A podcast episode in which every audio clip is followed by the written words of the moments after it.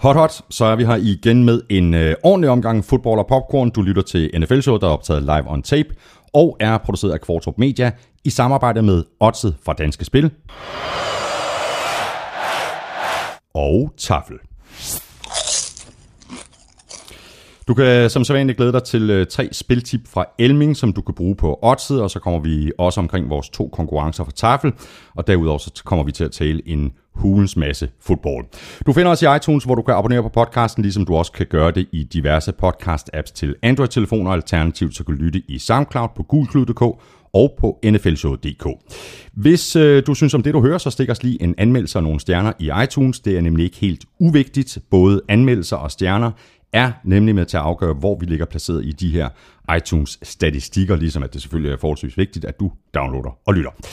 Tak fordi du gør det, og tak fordi du bruger lidt af din tid sammen med os. Jeg hedder Thomas Kvartrup. Her kommer min medvært. Skål Vikings, let's win this game. Skål Vikings, honor your name. Claus Elming, velkommen til. Jeg er så glad for at være her. Tak. Det er så godt at se dig. Det er så dejligt. Ved du, Jeg glæder mig simpelthen hver evig eneste torsdag til at komme herud og lave podcast med dig. Og jeg har det på nøjagtig samme måde. Jeg synes, det er så, jeg synes, det er så fedt, at det er sådan, at vi kan sidde og gennemgå den forrige uge og kigge frem mod den næste. Og nu skal du tige stille.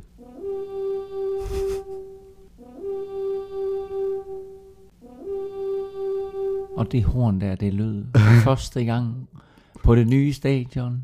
Med Teddy Natten mellem søndag og mandag med Teddy Bridgewater og øh, med den legendariske Minnesota Vikings træner, som sådan er lidt af en, en, en, en held og legende i Minnesota. Du taler bare lige videre, Bud øh, Claus, fordi så, hen, så, så finder jeg lige nogle tips frem til os. Ja, gør det. Bud Grant var der også. Øh, og så øh, kommer vi kommer selvfølgelig tilbage til det, men altså, øh, jeg havde besluttet mig for, at jeg ville stå op næste morgen og se kampen med det, der hedder Condensed på Game Pass. Det var alligevel 0-2-30, jeg blev sådan lidt gammel, så jeg tænkte, jeg bliver sgu ikke op og ser den. Men- Mit intro vækkeur ringede 02.35, ikke? Du ved, så der var en eller anden klokke inde i mit hoved, der sagde, nu skal du op.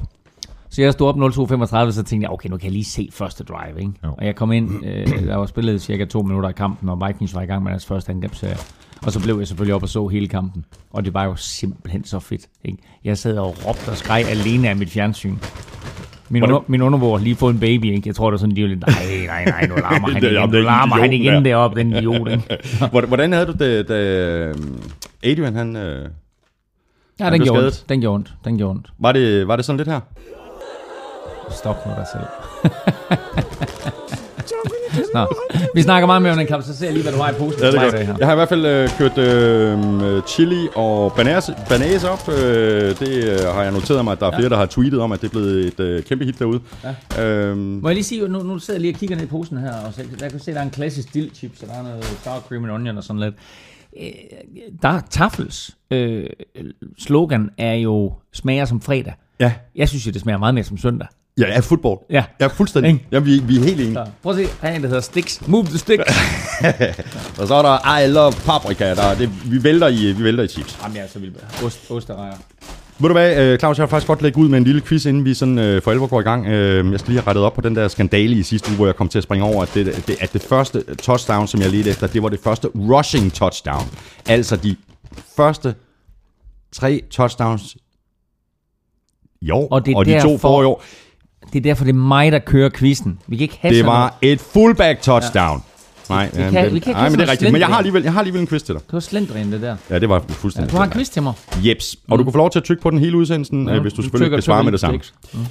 Quizzen kommer fra en af vores mange trofaste lyttere, ja. Ja. Anders Korts. Han mm-hmm. spørger, hvem er 32 og 0 efter spil u 2? Oh, det forstår jeg ikke. Altså, hvem der, hvem der har Det vundet. spørgsmålet er da fuldstændig enkelt. Hvem der er 32 og 0 efter. Hvem er 32 og 0 efter spil u 2? Jeg, jeg kan hjælpe dig lidt, og så kan jeg sige så meget, men jeg kan omformulere spørgsmålet.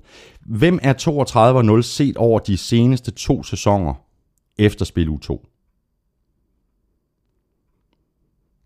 Out of the box. Du skal tænke ud af boksen, Claus Elming. Ud af Jamen, boksen. jeg, jeg, jeg, jeg, forstår, jeg forstår ikke spørgsmålet. Hvem er 32 og 0 efter uge 2? Mm. Hvem er 32 og 0 efter Du skal tænke helt bredt. Det kunne være noget vildt med dans, det er det så ikke. Så vi snakker ikke NFL. Jo, jo. Nå, nå. Øh, Nå, det kan, det kan du få lov til at tænke lidt over. Så kan du have lov til, så kan du øh, prøve at se, hvordan det er at have sådan en øh, rodende i baghovedet hele udsendelsen. Ja. Øhm, nu skal jeg Så du finde... fortæller mig det ikke nu? Nej, skal vi ikke, øh, skal vi ikke lade den hænge lidt? Øh, så kan det være, der er en af vores lyttere, der, der har kvikket ud. Prøv at se, øh, der er jo rimelig meget, øh, der er jo rimelig meget pres på dig derude, øh, Claus Elming, i forhold til den her digtquiz, som du jo lancerede i en af optagsudsendelserne. Der er faktisk kommet, der er kommet et, et digt ind til os, et hyldestigt øh, fra øh, Søren Amstrup. Jeg synes næsten, vi skal læse det op. Jeg synes næsten. Okay. 70 minutter blev til 145. Q siger stop, Elming siger større. Lytterne bliver flere, kræver fantasy og mere. Q rekrutterer, og Korsmed leverer. Elming bringer quiz, quiz, quiz. Q griner, man tænker, tis, tis, tis. det er rigtigt. Top 5 quarterback er egentlig top 105. Montana, Brady, Kotler. Hvem er egentlig hvem? Det er fandme godt set. Sagde ingen nogensinde til Elmings tips til oddset. NFL, det er også rigtigt. NFL-kærlighed er ulykkelig kærlighed. Sover nederlag, skrald, åh, hvilken herlighed. Shh, gå væk med den gaffel. Nu er der bold så helt med min tafel. Godt selskab, god indsigt, de griner igen fjået. Sådan er den perfekte uge med NFL-showet. En quiz, der rimer, den er fandme lam. Men tak alligevel for et godt pro-podcast. Øh,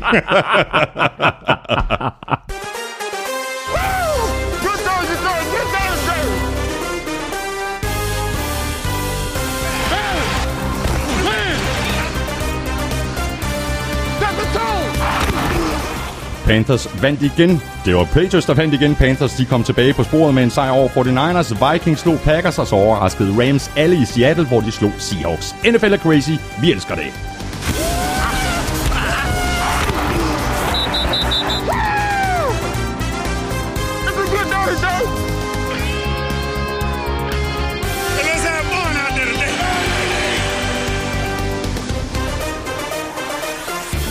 Den alt overskyggende historie fra uge 2 var alle skaderne. Adrian Peterson er ude, i hvert fald til december. Danny Woodhead er ude. Amir Abdullah er det samme. Og det Marcus Ware mister 4-5 uger.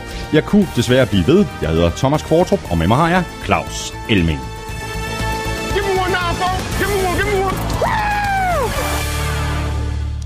Og lad os bare begynde med skaderne, Claus. Der er rigtig, rigtig mange af dem, og der er kommet rigtig mange spørgsmål om de her skader øh, til blandt andre Adrian Peterson, Danny Woodhead, DeMarcus Ware, Jimmy Garoppolo, Josh McCown, Jonathan Stewart, Doug Martin, Amir Abdullah, Dante Moncrief, og jeg kunne blive ved. Corey Coleman. Corey Coleman. Mm. Vanvittigt mange skader. Øhm, Jesper Lindstrøm Madsen spørger, hvorfor tror I, der er så mange skader så tidligt på sæsonen? Er de for dårligt forberedte på grund af for kort opstart? NFL vil jo ikke have, at de træner med kontrakt ret meget, og det har sikkert mm. jo fået en, en kæmpe bøde for. Eller er spillerne ikke hårde nok, eller er de for hårde? Nu er, øhm, nu er NFL jo øh, og amerikansk fodbold det hele taget ganske brutal. Så derfor så vil der komme skader. Øh, jeg synes, mængden af dem i år, og jeg, men jeg synes også, jeg har sagt det før, at jeg synes, mængden af dem i år overgår tidligere tider. Øh, jeg synes egentlig altid, at, at vi ser mange skader. Mm. Gjorde vi i hvert fald også sidste år. Men ja, det gjorde vi. Øhm, og jeg tror måske også, da vi talte om sidste år, der var mange store profiler mm. i modsætning til tidligere, men der er også et, et hav af profiler i år, altså Adrian Peterson, øh, DeMarcus Ware, øh, Teddy Bridgewater inden sæsonen, øh, Arian Foster, øh, etc. Altså, der, der er virkelig, virkelig mange store spillere, der bliver skadet. I, altså, NFL-spillere bliver nærmest hver evig eneste år større, stærkere, hurtigere, mere brutale, selvom reglerne bliver lavet om til at, at beskytte øh, ikke, minimum, øh, ikke mindst quarterbacks, men også spillere, som, øh, som løber øh, med bolden i hænderne eller ved at gribe en bold.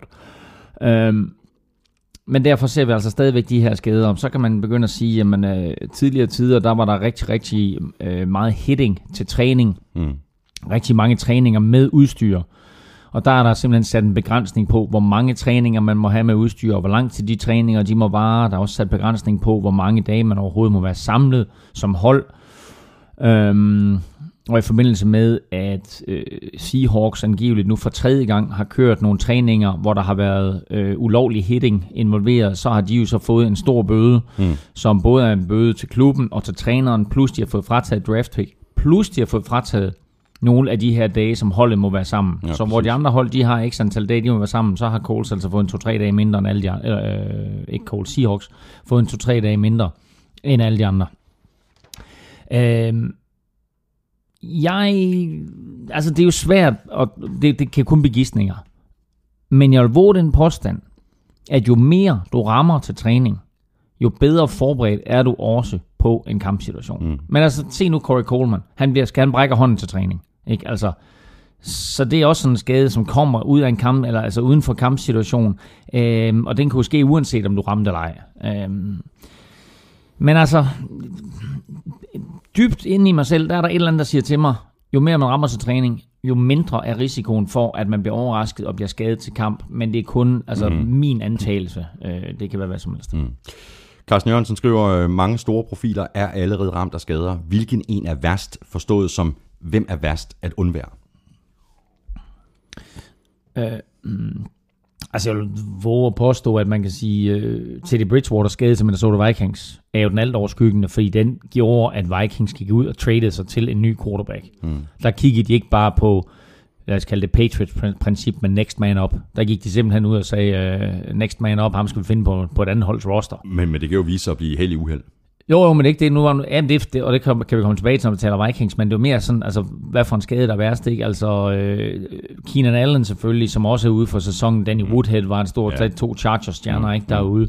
Øh, det Marcus Ware er ude i fire uger. Øh, men altså, umiddelbart, så vil jeg, så vil jeg påstå, at der er ikke nogen skade, som, som er, har været lige så slem for et hold som Teddy Bridgewater, fordi den trods alt gjorde, at Vikings gik ud og, og hentede en ny quarterback og, og brugte to store draft picks på det. Sebastian øh, Østergaard øh, spørger, øh, hvordan kan det være, at Chargers år efter år rammes af alle de her skader til deres spillere?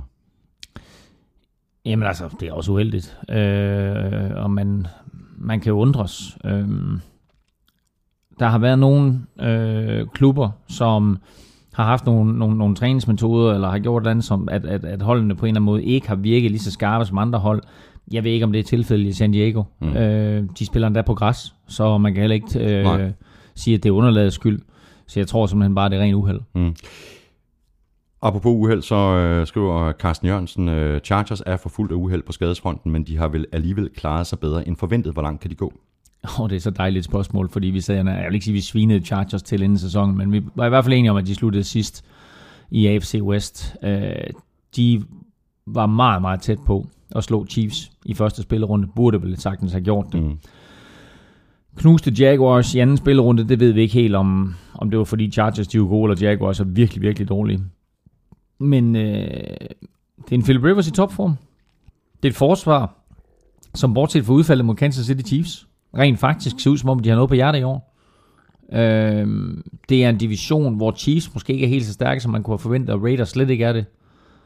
Øh, så der er ikke nogen, der siger, at Chargers de ikke kan komme op og, og måske blive to i den division. Jeg mm. tror ikke, at de kommer forbi Broncos. Det tror jeg så heller ikke. Jakob øh, HM2 øh, skriver og forklarer mig lige, hvorfor at øh, McKinnon og Asiata-duen er så meget dårligere end Adrian Peterson. Jeg synes, man undervurderer dem. De var gode i 2014. Ja, og Og nu er der så kommet Ronnie Hillman til oven i købet. Præcis. Vikings øh, gik ud og lavede nogle justeringer onsdag, hvor de øh, et hentede running back Ronnie Hillman. Ronnie Hillman øh, var Broncos øh, bedste running back sidste år, forsvarende Super Bowl-mester, men øh, blev øh, vejet og fundet for let i, øh, i training camp. Øh, de havde C.J. Anderson, og de havde draftet Devontae Booker, og så følte de lidt, at øh, Ronnie Hillman øh, var i overskud, og øh, smed ham simpelthen på borden. Mm. Ingen andre hold samlede ham op. Og det var sjovt, fordi da, da Adrian Peterson gik ned, så min første tanke det var, hvad laver Carlos Williams? Ham fra Buffalo Bills. Mm, mm. Øh, jeg tænkte, der kommer til at ske et eller andet. Og så var det så Ronnie Hillman, som de besluttede sig for at hive ind. Havde altså en god sæson sidste år, Ronnie Hillman. 863 Ja, en yards sæson. og syv touchdowns. Mm. Og scorede vel at mærke et 72 yard touchdown imod Minnesota Vikings. Så det kan være, at de havde det lidt i mente, da de hentede ham. Øhm, nu kommer han ind, han kommer ikke til at starte, han får måske nogle carries her i weekenden imod Carolina Panthers, men jeg forestiller mig, at der går en 2-3 uger, så er det ham, der starter. Til spørgsmålet, hvorfor er Asiata og McKinnon så meget dårligere? Det er fordi, i Adrian Peterson, der har du en af fem running backs i ligaen, som er en trussel hver evig eneste gang, de har bolden i hænderne. Og så er der nogen, der siger, at han har da kun fået 50 yards i de to første kampe. Ja, men han har også spillet mod 8 eller 9 mand i boksen. Og hans Men det har han tilstedeværelse... vel altid gjort, ikke? Jo, men hans tilstedeværelse... Jo, det kan du godt sige, men hans tilstedeværelse gjorde, at der var plads nede ad banen mm. i weekenden mod, mod Green Bay Packers. I det Til øjeblik, Diggs. at, at... Ja, til Dix blandt andet, ikke? Til Kyle Rudolph.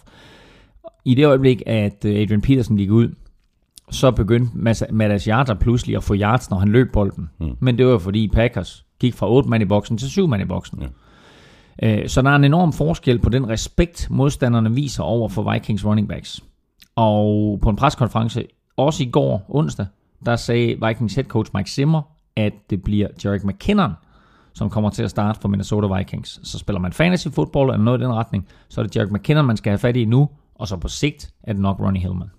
Og det, øh, du var jo så, så venlig at sende mig en sms i går, øh, Claus, om Du at så øh, nu, latterlig. nu er de, ja, er så samlet dig. Hillman op. Kan du skal jeg sige, at jeg var glad for at være Nå, her. Jeg, jeg er faktisk sur på det. Det Jeg havde glemt, det jeg havde glemt, jeg var sur på dig. Det, det vidste jeg faktisk slet ikke, øh, svarede jeg så på den øh, sms, så gik der 5 sekunder, så havde jeg hentet Hillman i vores liga.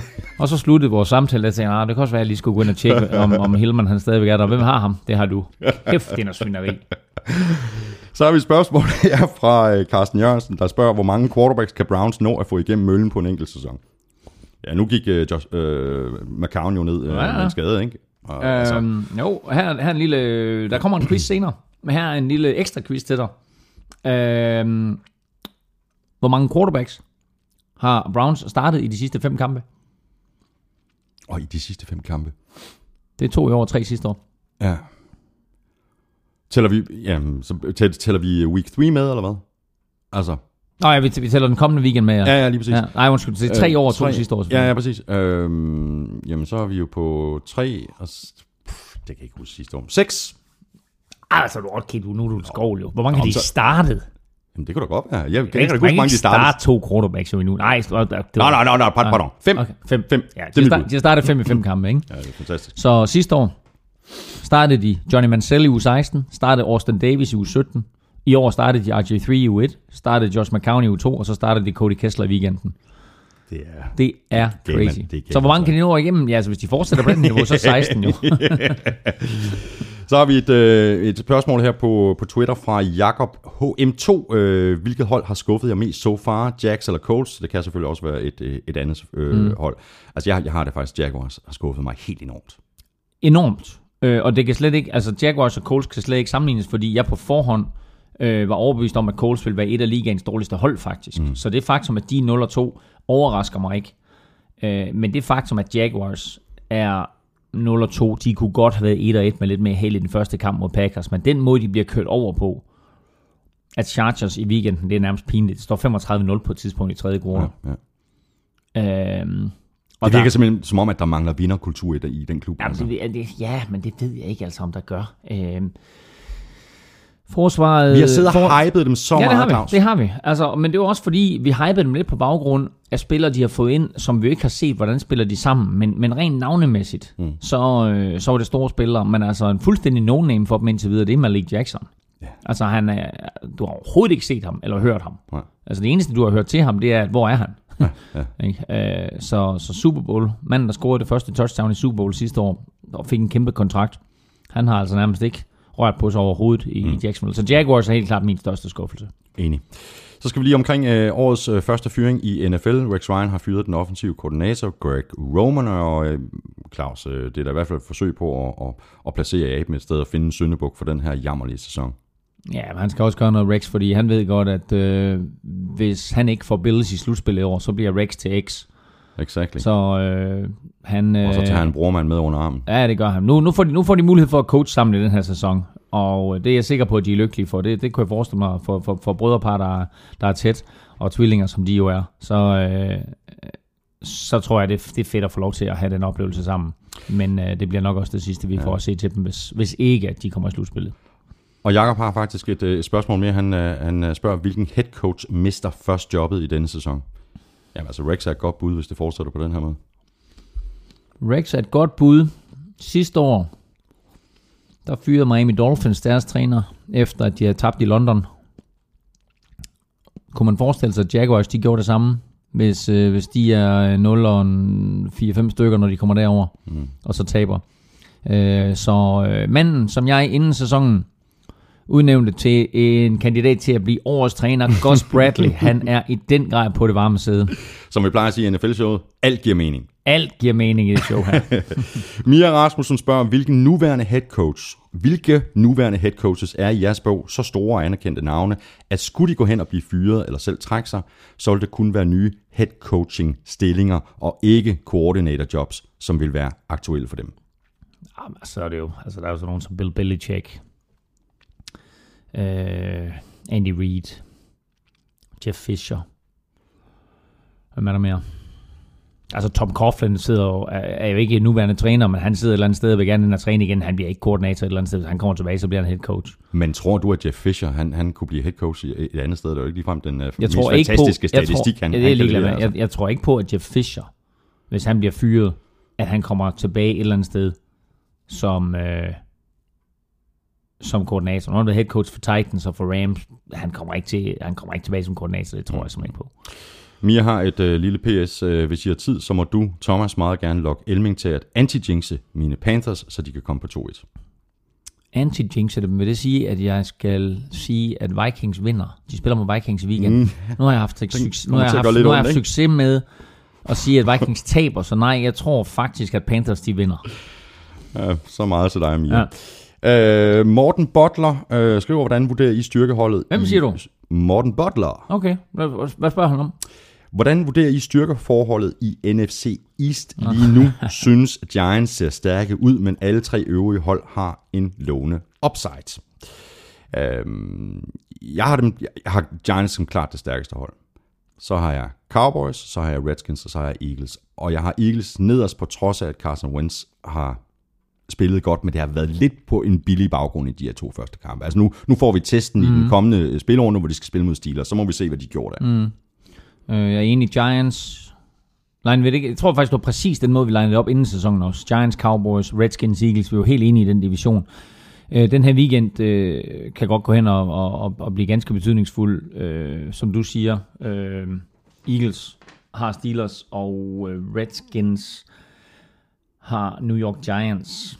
Så øh, øh, jeg vil at mærke Giants på hjemmebane. Mm. Øh, og øh, det interessante ved, at det er Morten Butler, der stiller det spørgsmål, er, at Morten Butler rent faktisk er my man in New York. Mm. Øh, han er vores øh, udsendte i New York. Vores Ja, for første, gu- for vores, gul for gul slud. ja. Vores første korrespondent nogensinde. Woohoo! øhm, jamen altså, øh, lad os nu se, fordi øh, Redskins tabte også de to første sidste år, der vandt de divisionen. Så det kan godt være, at de kommer igen, men, øh, men der skal ske noget med Captain Kirk i hvert fald. Ja, det skal der i hvert fald. Men lige her nu, er du så ikke enig med mig i, at Giants er stærkest ud? Ja, selvfølgelig. Det sagde ja. vi også inden sæsonen. Mm. Der er vi jo lynskarpe, der er er jo fantastisk skarp, som sædvanligt. Kasper Finn Olsen øh, skriver, hvor tidligt skal et hold i gang med at kigge efter en ny franchise quarterback. Her tænker jeg på min kære Giants, hvor Eli har to år tilbage på sin kontrakt, og han er også oppe i årene efterhånden. Så det, jeg ved ikke, om det er et holdspecifikt spørgsmål, eller et mere generelt spørgsmål, om hvor, hvor, hvor tidligt skal en klub begynde at kigge om sig efter en, en afløser på Altså, vi må igen bare bringe et eksempel frem, som vi har nævnt igen og igen og igen. Og det var, da Packers de i første runde draftede Aaron Rodgers. Mm. Tre år før de fik behov for ham. Det er simpelthen så fremadskuende, øh, at det imponerer mig stadigvæk. Hvilke andre klubber gør det? Nej. Cowboys drafter Dak Prescott i år. Velvidende, at Tony Romo har i hvert fald to år tilbage i sig. Nu er han så blevet kastet for løverne, Dak Prescott allerede, og har gjort det vanvittigt godt. Øhm, men der er ingen tvivl om, at de kigger på Dak Prescott som øh, fremtidens mand, når Romo han engang var færdig. Øh, jeg tror, sådan nogen som Broncos draftede Paxton Lynch til nærmest at starte i år. Mm. Det var ikke meningen, at han skulle sidde bag Trevor Simeon, og så kan man også sige sig selv, jamen, altså, hvem fanden er Trevor Simeon, ikke? Mm. Øhm, Jeg tror så også, Paxton Lynch han kommer til at spille i år. ikke hvis Simeon han bliver ved på den måde der. Mm.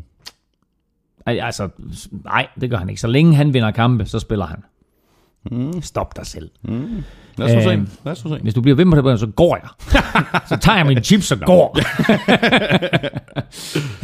øhm, Eli har jo... Øhm, altså, han har jo spillet samtlige kampe i de sidste...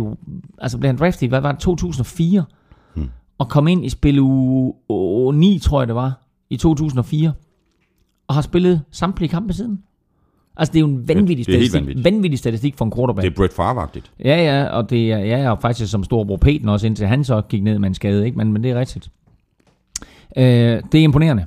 Øh, det vidner om øh, stor holdbarhed, øh, stor øh, hårdhed, altså Mm. øh, en enormt stor coronas.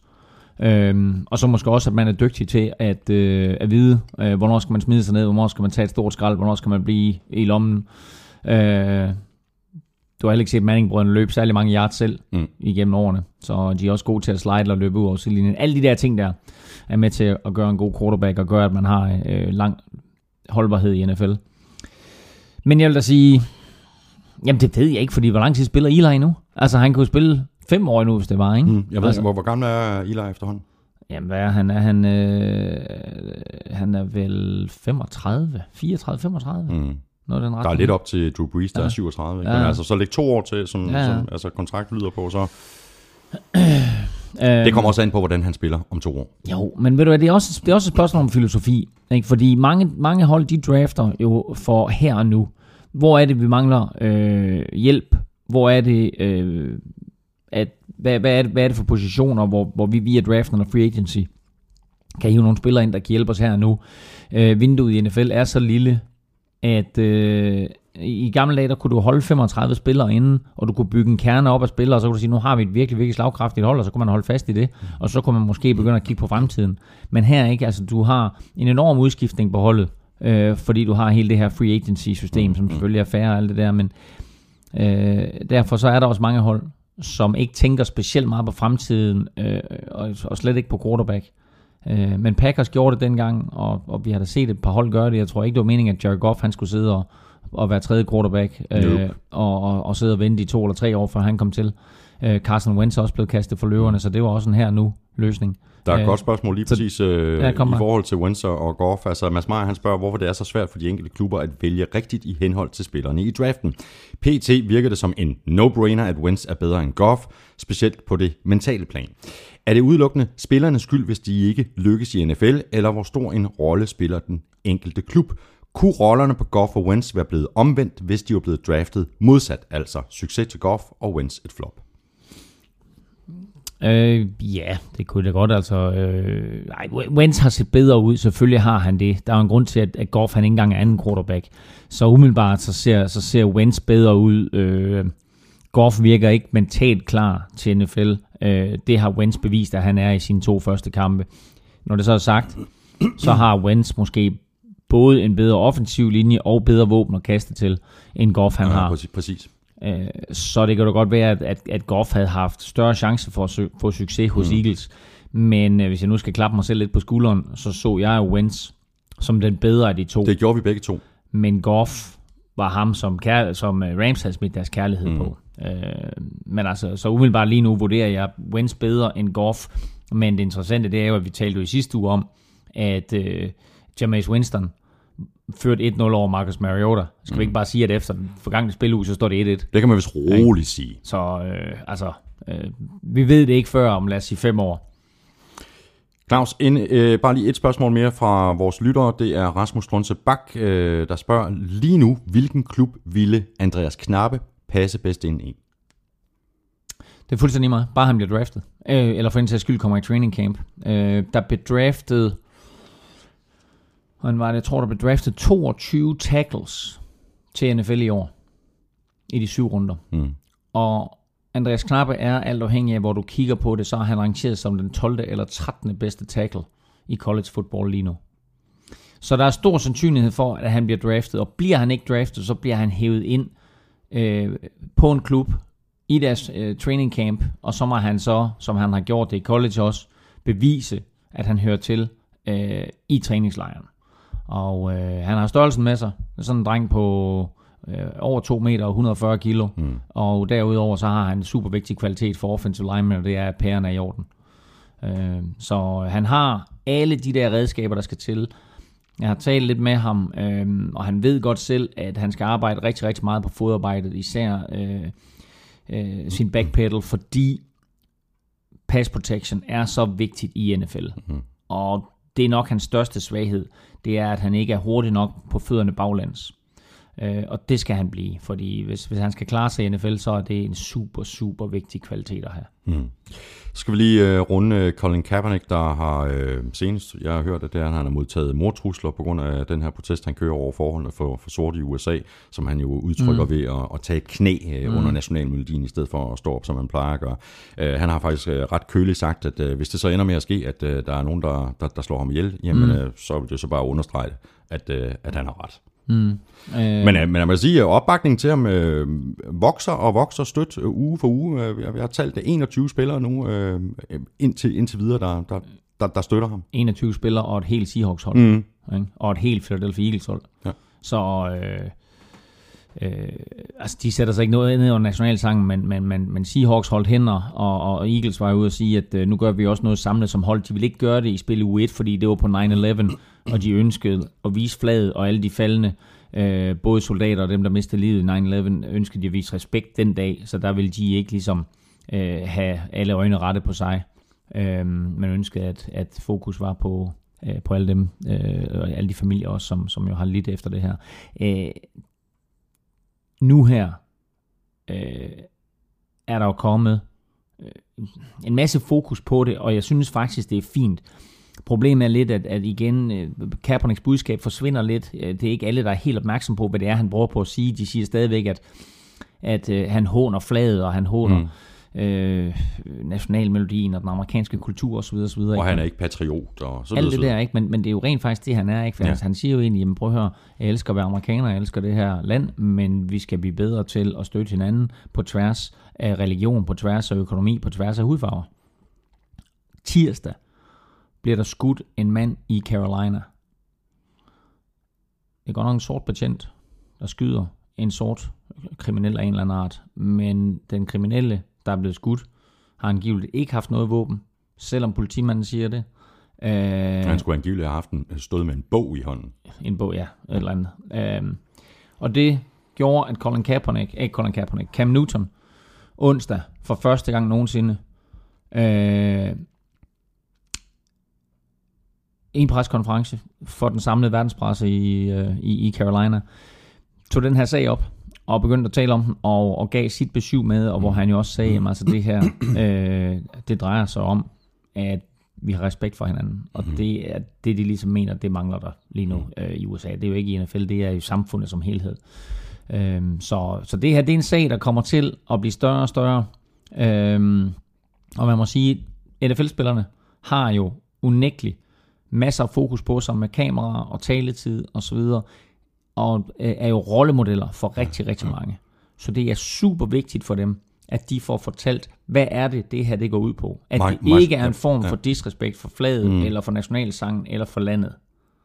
Det her, det er et spørgsmål om at stå op for hinanden, og stå op for de sortes rettigheder, fælles rettigheder, fælles respekt for hinanden. Og det øh, gjorde Marshawn Lynch jo på The Conan O'Brien Show, jeg mener det var i går eller forgårs, hvor han også øh, Okay, var fremme og, og, Ja. og støtte øh, Colin Kaepernick.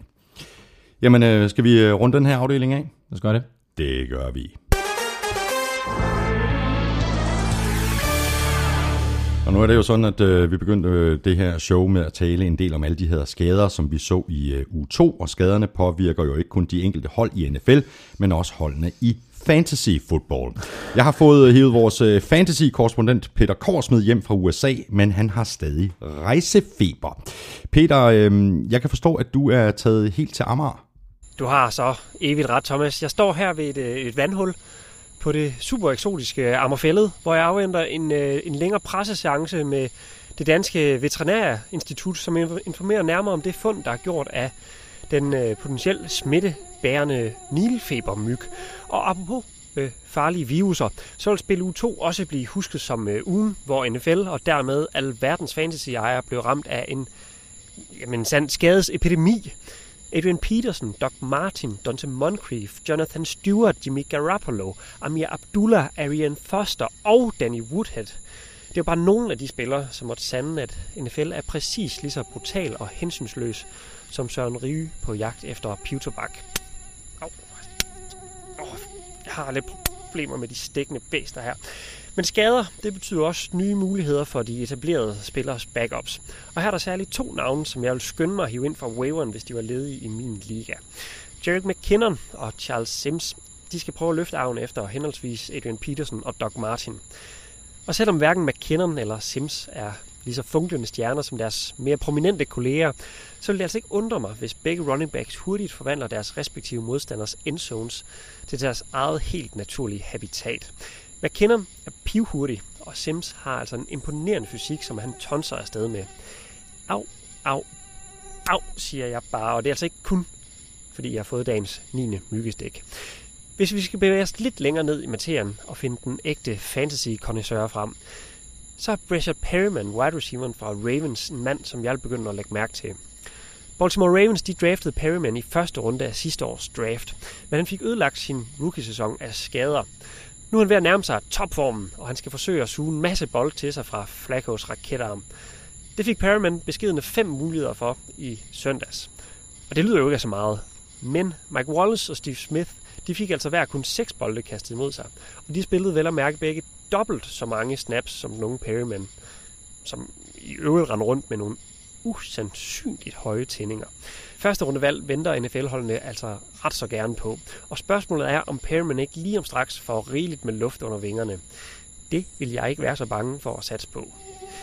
Men jeg må løbe igen, Thomas, inden jeg bliver et levende her. Her på faldrebet, så vil jeg egentlig bare gerne love, at hvis uh, McKinnon han ikke scorer touchdown i spil u 3, så skal jeg med glæde sponsorere en Ammer-nummerplade til dig med mit fulde navn. Mit navn er Peter Korsmed, og jeg er Danmarks bedste og eneste fantasy-korrespondent. det, er jo bare, det er jo bare det, vi alle sammen går rundt og drømmer om. En Amager nummerplade, hvor der står Peter Korsmed. Jeg glæder mig allerede. Jeg glæder mig så meget til at se dig løbe rundt med den. Jamen, men, men du, øh, får, du får den ikke, fordi McKinnon han scorer to eller tre gange mod Panthers. Ah, interesting. Vi får se. Øh, god råd øh, her omkring øh, fantasy football. Det er der også øh, at finde inde på Google, lyder det ikke øh, fuldstændig korrekt? Og her, vi har øh, stor, stor fantasy-sektion, øhm, og der er rigtig, altså, der kommer mere og mere guf derinde, så øh, gå ind og tjek den, fordi der er råd både til, hvordan du klarer dig godt i almindelig fantasy, hvordan du klarer dig godt på øh, NFL Manager for holdet.dk, og også hvordan du klarer dig øh, godt på det nye lynholdet, som de har derinde. Vi skal have quizzen! Åh, oh, Det er tid til quiz, quiz, quiz, quiz, quiz. tis, tis, tis, Tis, tis, tis. Nå, vi har stadigvæk, øh, vi har stadigvæk den der med min quiz hængende der. Jeg har ingen anelse om, hvem der er 32 og 0 efter spil u 2, men det må vi jo komme tilbage til. Uh, til gengæld, så er min quiz til dig ganske, ganske sjov. Jeg overvejede lidt, om vi skulle tage den nu, eller vi skulle tage den, når vi kommer ned og snakke om Eagles, men nu tager vi den nu. Okay. Uh, så kan folk derude også øh, sådan uh, sidde og, uh, og hygge sig lidt med det, og tænke lidt over, hvem det nu kunne være. Uh, Carson Wentz, rookie quarterback for Philadelphia Eagles, er den første quarterback nogensinde, der har startet sine to første kampe med en sejr, uden at kaste en eneste interception. Det er der ingen andre, der har gjort. Fire andre quarterbacks, rookie quarterbacks, fire andre rookie quarterbacks, draftet i første runde alle fire, vandt deres første to kampe. Det er John Elway. Det er Joe Flacco. Det er Mark Sanchez. Og det er... Sanchez. Okay. Ja, hvem er det? Så hvem det er, er den fjerde? Det, det, det er den fjerde.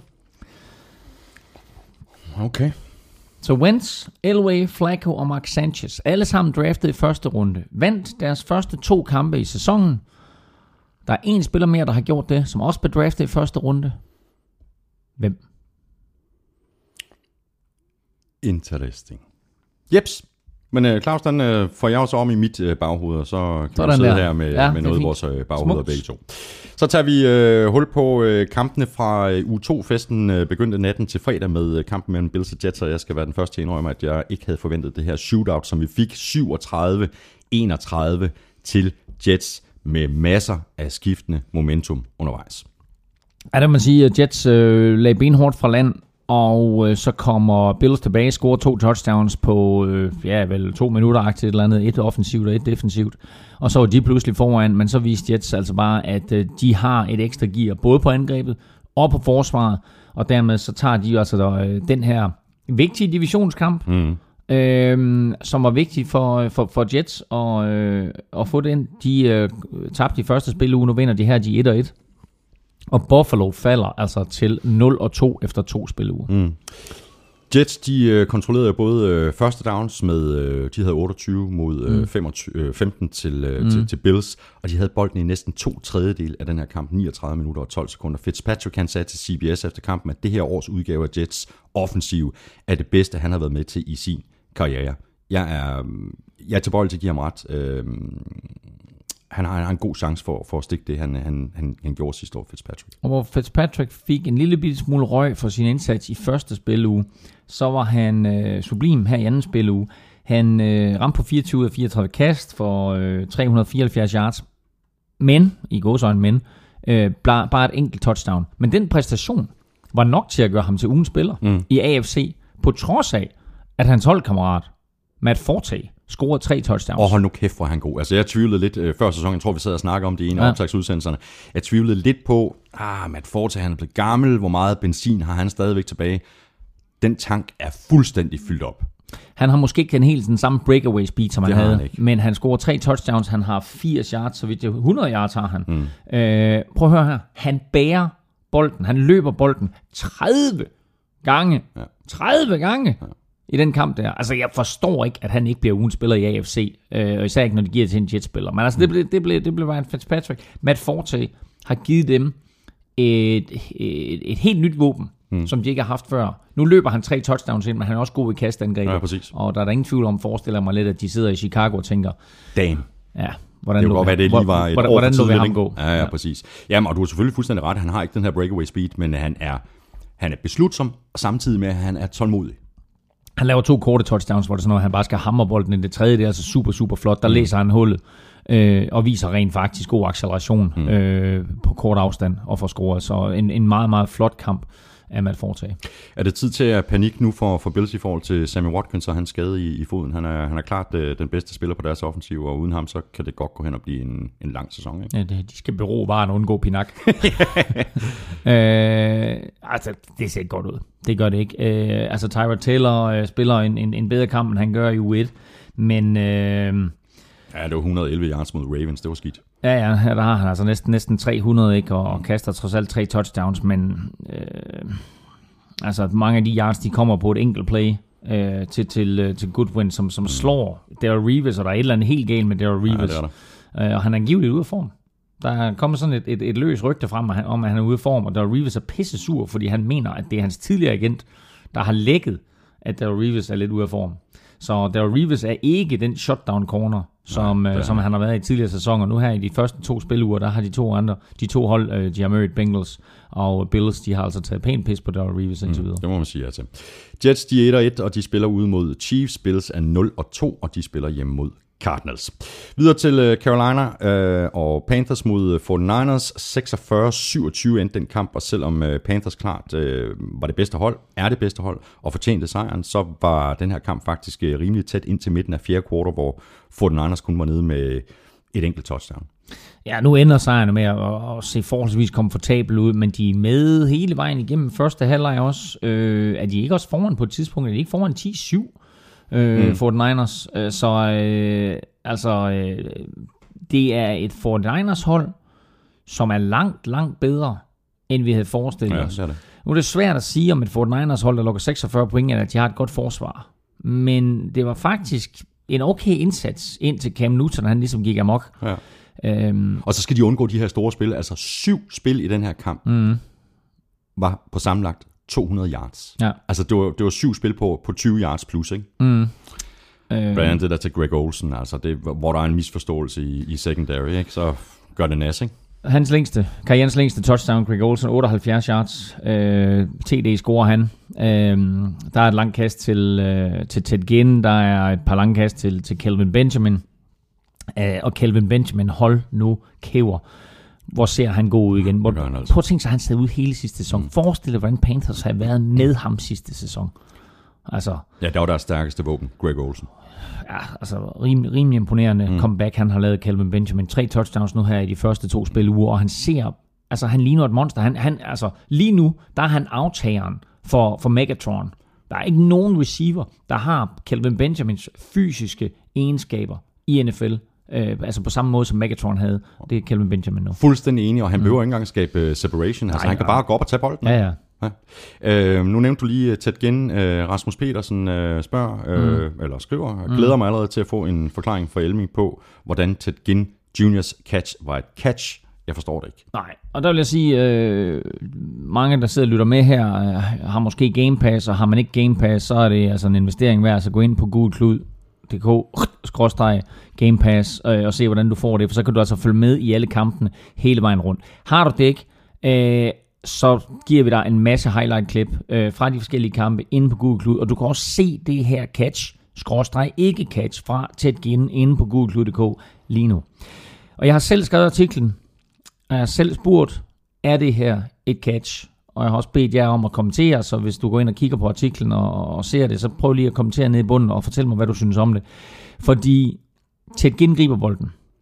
Han har to fødder nede. Han har fuld kontrol. Kommer ud over sidelinjen. Mister bolden. Det er blevet kaldt et catch på banen. Det bliver set igennem. Og det bliver vurderet som et catch. Nu læser jeg bare lige reglen højt for dig. Mm. Som den står i NFL's regelbog. Sideline catches. If a player goes to the ground out of bounds with or without contact by an opponent in the process of making a catch at the sideline at the sideline he must maintain complete and continuous control of the ball until after his initial contact with the ground otherwise the pass is incomplete mm. der står det direkte det der er et incomplete pass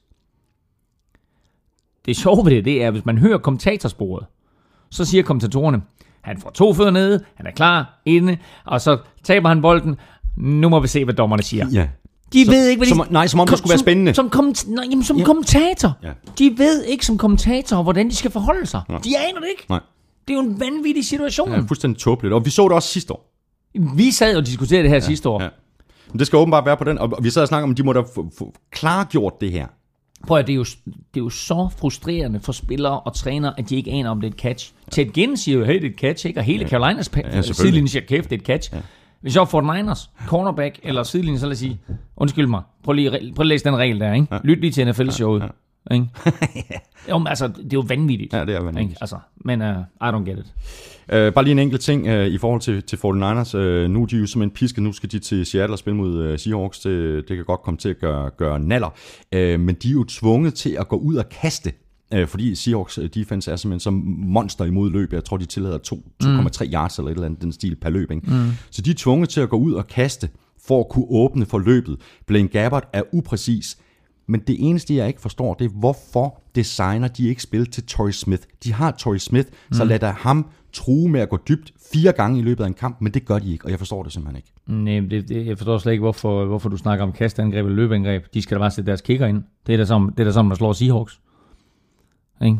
Altså, Rams, skal- de- Rams, de skal Rams, lige- de, Rams, de scorede ingen touchdowns, ikke? Nej. Så øh, Nej, LA Rams har stadigvæk ikke scoret et touchdown siden 1994. korrekt. Så jeg tænker, Phil, Daw- Phil Dawson, han bliver, han bliver ugens spiller for, for the Niners i næste uge, hvis de, hvis de slår I hope øh, you're right. I hope you're right. Men altså, når vi kommer til ugens spiltips for danske spil, så er det lige sige, at øh, det er da en kamp, som jeg har kigget på, fordi der er kæmpe odds på Fort Niners sejr. Ja, ja.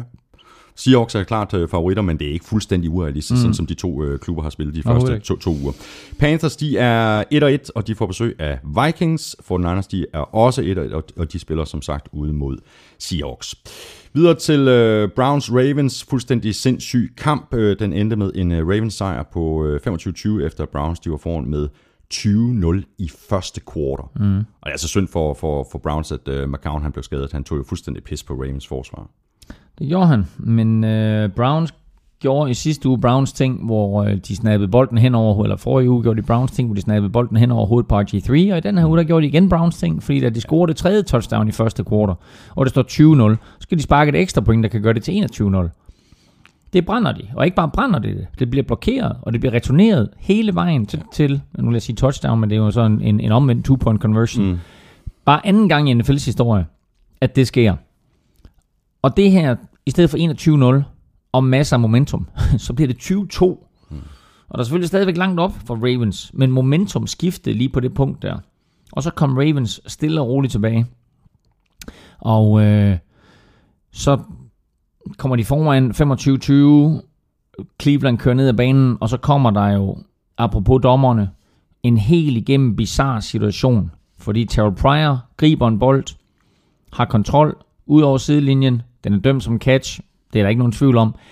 Så tager han bolden, og så vipper han den øh, opad. Ikke, ikke hen mod en spiller, ikke øh, hånende på nogen måde. Den rammer jorden. Og fordi den er oval, så hopper den jo nogle gange i en anden retning, end man lige havde forestillet sig. Rammer jorden, og hopper hen og rammer en Baltimore-spiller. Og så får han flag. Så får, han, så får han 15 yards straf. Vanvittigt. Browns angreb stopper. Mm. De får ikke muligheden igen. Ravens vinder.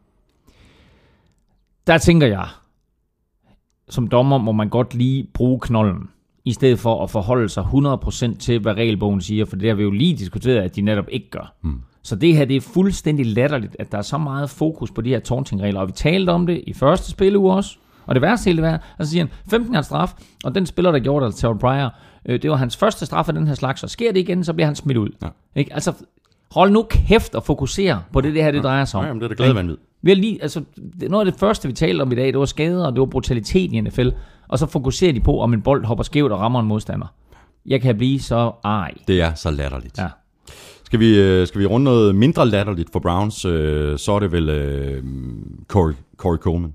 Ja, det er, han ligner en stjerne i svøb, ikke? Jo, jo, nu sidder han så ude i 4-6 uger med ja, ja. brækket hånd. Ja, ja. Men altså, jo, øh, den, øh, den gruppe af receiver, der kom ind i årets draft, øh, ser jo ret spektakulær ud. Vi husker for et par år siden, der kom uh, Kelvin Benjamin ind øh, sammen med Mike Evans og sammen med øh, Jordan Matthews og øh, Jarvis Landry. Altså, øh, Odell Beckham Jr. Øh, altså, vi, vi taler en virkelig, virkelig øh, god overgang af receiver. Den her overgang har jo potentiale til at blive lige så god. Altså, vi taler Will Fuller, der allerede har sat diverse rekorder for Houston Texans. Vi snakker Corey Coleman, som ligner the real deal hos Cleveland. Øh, vi taler en Laquan Treadwell i Minnesota Vikings, som måske ikke er, jeg tror frem på den store scene nu, men har masser af potentiale. Vi taler om Braxton Miller i, øh, i Texans. Vi taler om Tyler Boyd. Altså, der er masser af potentiale i den her receiver-overgang, øh, og øh, Corey Coleman så ud som om, at, at øh, han kunne give øh, Cleveland Browns angreb øh, et boost, som de, som de savnede, nu, han, nu sidder han altså ude med, med, med en skade, den seneste, der er meldt skadet. Og potentiale, det er der altså også i, i den her duo, Joe, Joe Flacco og Mike Wallace. Uh, vi talte også om det i, i sidste uge. Ikke? Mike Wallace 4 for 41 yards og to touchdowns. Øhm, jamen altså, han kan godt lide, og det er der ingen tvivl om, Flacco, han kan godt lide Mike Wallace's fart. Øh, så øh, så øh, de to, de skal nok blive en, en, en gylden connection. Mm. Og så må vi se med Brashard Perryman, som øh, vores fantasy korrespondent, han jo, han jo taler højt om. Det kan godt være, at, at han får sit store gennembrud i den her NFL-sæson også. Ravens, de er 2-0, og de spiller ud mod Jaguars. Browns er 0-2, og de skal et smut til øh, Florida og spille mod Dolphins.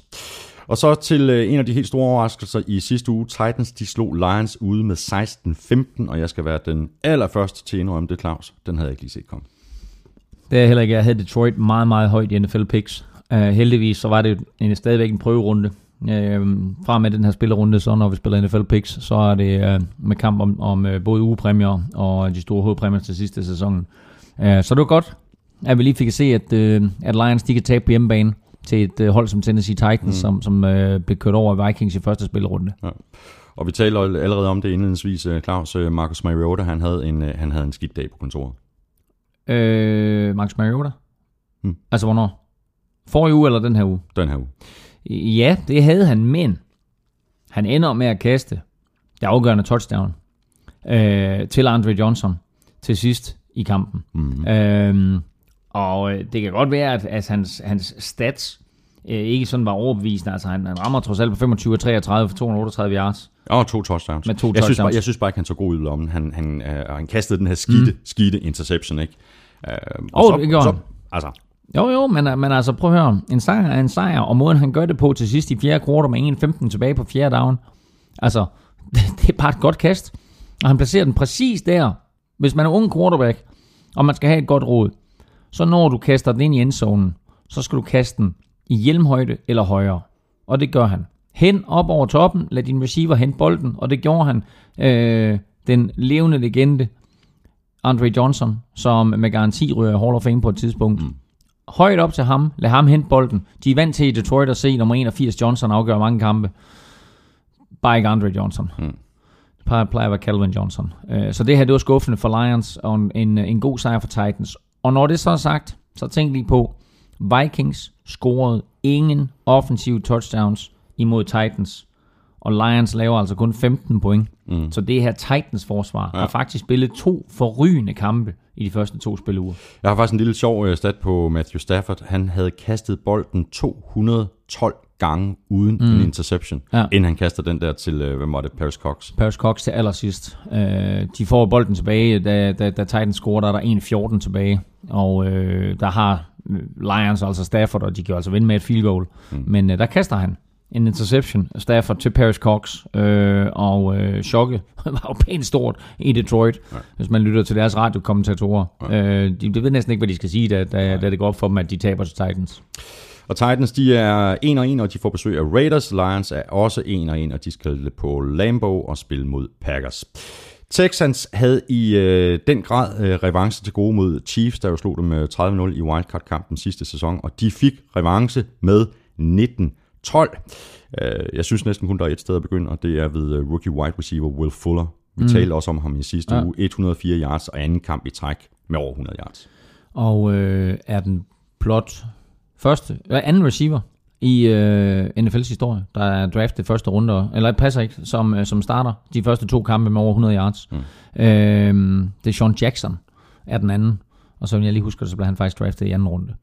Øh, så en superstarter, og han giver dem jo et vanvittigt fedt aspekt, Will Fuller, øh, som er en, en perfekt øh, kombination, perfekt kompliment til DeAndre Hopkins.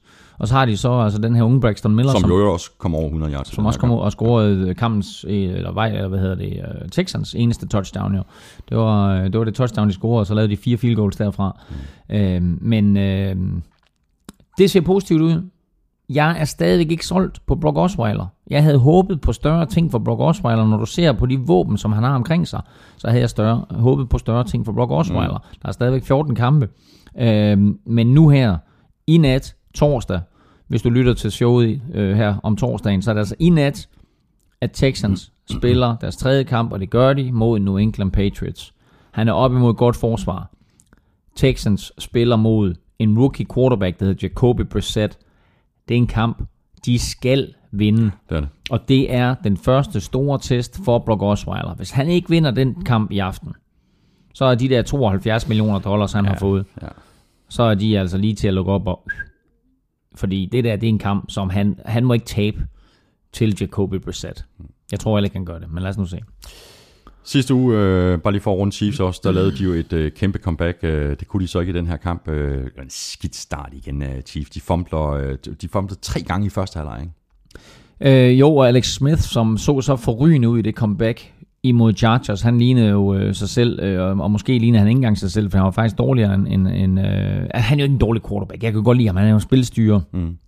og øh, lagde faktisk øh, nogle aspekter til sit spil i det comeback over Chargers. Men det så vi bare ikke Nej. imod Texans. Så øh, øh, vi må sige offensivt, øh, havde de jo også succes i første spilleuge. Øh, Her i anden spilleuge, der, øh, der gik det knap så godt. Øh, altså, øh, Alex Smith kastede for under 200 yards. Øh, Spencer West øh, løb bolden bare seks gange for 61 yards. Og Spencer Ware, ikke? Spencer Ware, ja. øh, hvad sagde jeg? Spencer West. Jamen, jeg plejer ikke at høre efter, hvad du siger. Ah, nej, den der, den fanger den, den, den fangede Spencer Ware, Spencer West. Spencer Ware. Øh, så, så, altså, Det er der- jo fordi, der- det er der- Kendrick West, så du blander dem lige sammen. det var sikkert det. Øhm, så altså, det var, øh, det var ikke, det var ikke en specielt god indsats. Øhm, og det, det var selvfølgelig ikke, det var ikke, det var ikke Spencer Ware, det var Shakandrick West jo. Det var ikke Mm. Spencer Ware, der løb seks gange. Øhm, og når det så er sagt, så må vi også bare øh, tage hatten af for Texans forsvar. De spiller super solidt, og det gør de uden Brian Cushing. J.J. Watt, J.J. Ware var tilbage. J.J. Watt var tilbage, øh, havde halvanden sæk, og, og rigtig, rigtig mange store spil. J. David Clowney ser god ud. Mm. Øh, der er, øh, altså, de har alle ingredienserne til at være gode Texans. Testen i aften er stor for dem. Chiefs, de er 1 og 1, og de spiller hjemme mod Jets. Uh, Texans, de er 2 og 0, og de spiller, som du lige har sagt, ude mod Patriots i nat. Og netop Patriots, de slog jo øh, Dolphins med 31-24, og jeg skal også lige love for, at, øh, at Patriots og Garoppolo kom flyvende fra start. Der stod 21-0, før man nærmest nåede at blinke med øjnene. Det var helt vildt. Det var helt vildt, øh, og det var også øh, meget vildere, end jeg havde forestillet mig, og det var sikkert også meget vildere, end Miami Dolphins havde forestillet sig, fordi efter deres fine indsats imod Seattle Seahawks i spil U1, så tror jeg, at de havde forhåbninger om, at de godt kunne overraske øh, imod Patriots. Øh, de kommer tilbage, og øh, gør det rent faktisk spændende til sidst, mm. men, men lykkes jo ald- altså aldrig øh, 100% med comebacket. Men øh, Garoppolo, så god ud, øh, ender med at blive skadet, og nu får de altså så Jacoby Brissett. Ja. De satte ham ind i, øh, i søndags, og øh, det er ham, der starter i nat for Patriots øh, imod Texans. Øh, og altså, hvis han går hen og vinder den kamp, og hvis Patriots de går hen og vinder den kamp, altså, man må bare blive ved med at kippe med hatten for, for Ja. Bill Belichick, fordi hvad han, hvad han præsterer uge efter uge, øh, uanset hvad det ser ud som, at han har materiale. Altså, der er ikke nogen træner i NFL, der får mere ud af sit materiale, Nej, det er der bare end han gør. Nej. Nå, hvad tror du, der sker, hvis, jo, hvis øh, Jacoby Brissett han går ned? Jamen, øh, så får vi vel... Øh, Jeg kan godt lide, at du siger det på den måde. Øhm, øhm, the name escapes me. It's a wide receiver. Nå, du ved det godt. Ja, ja, ja, ja. Men, øh, Det er Julian Edelman. Ja, præcis.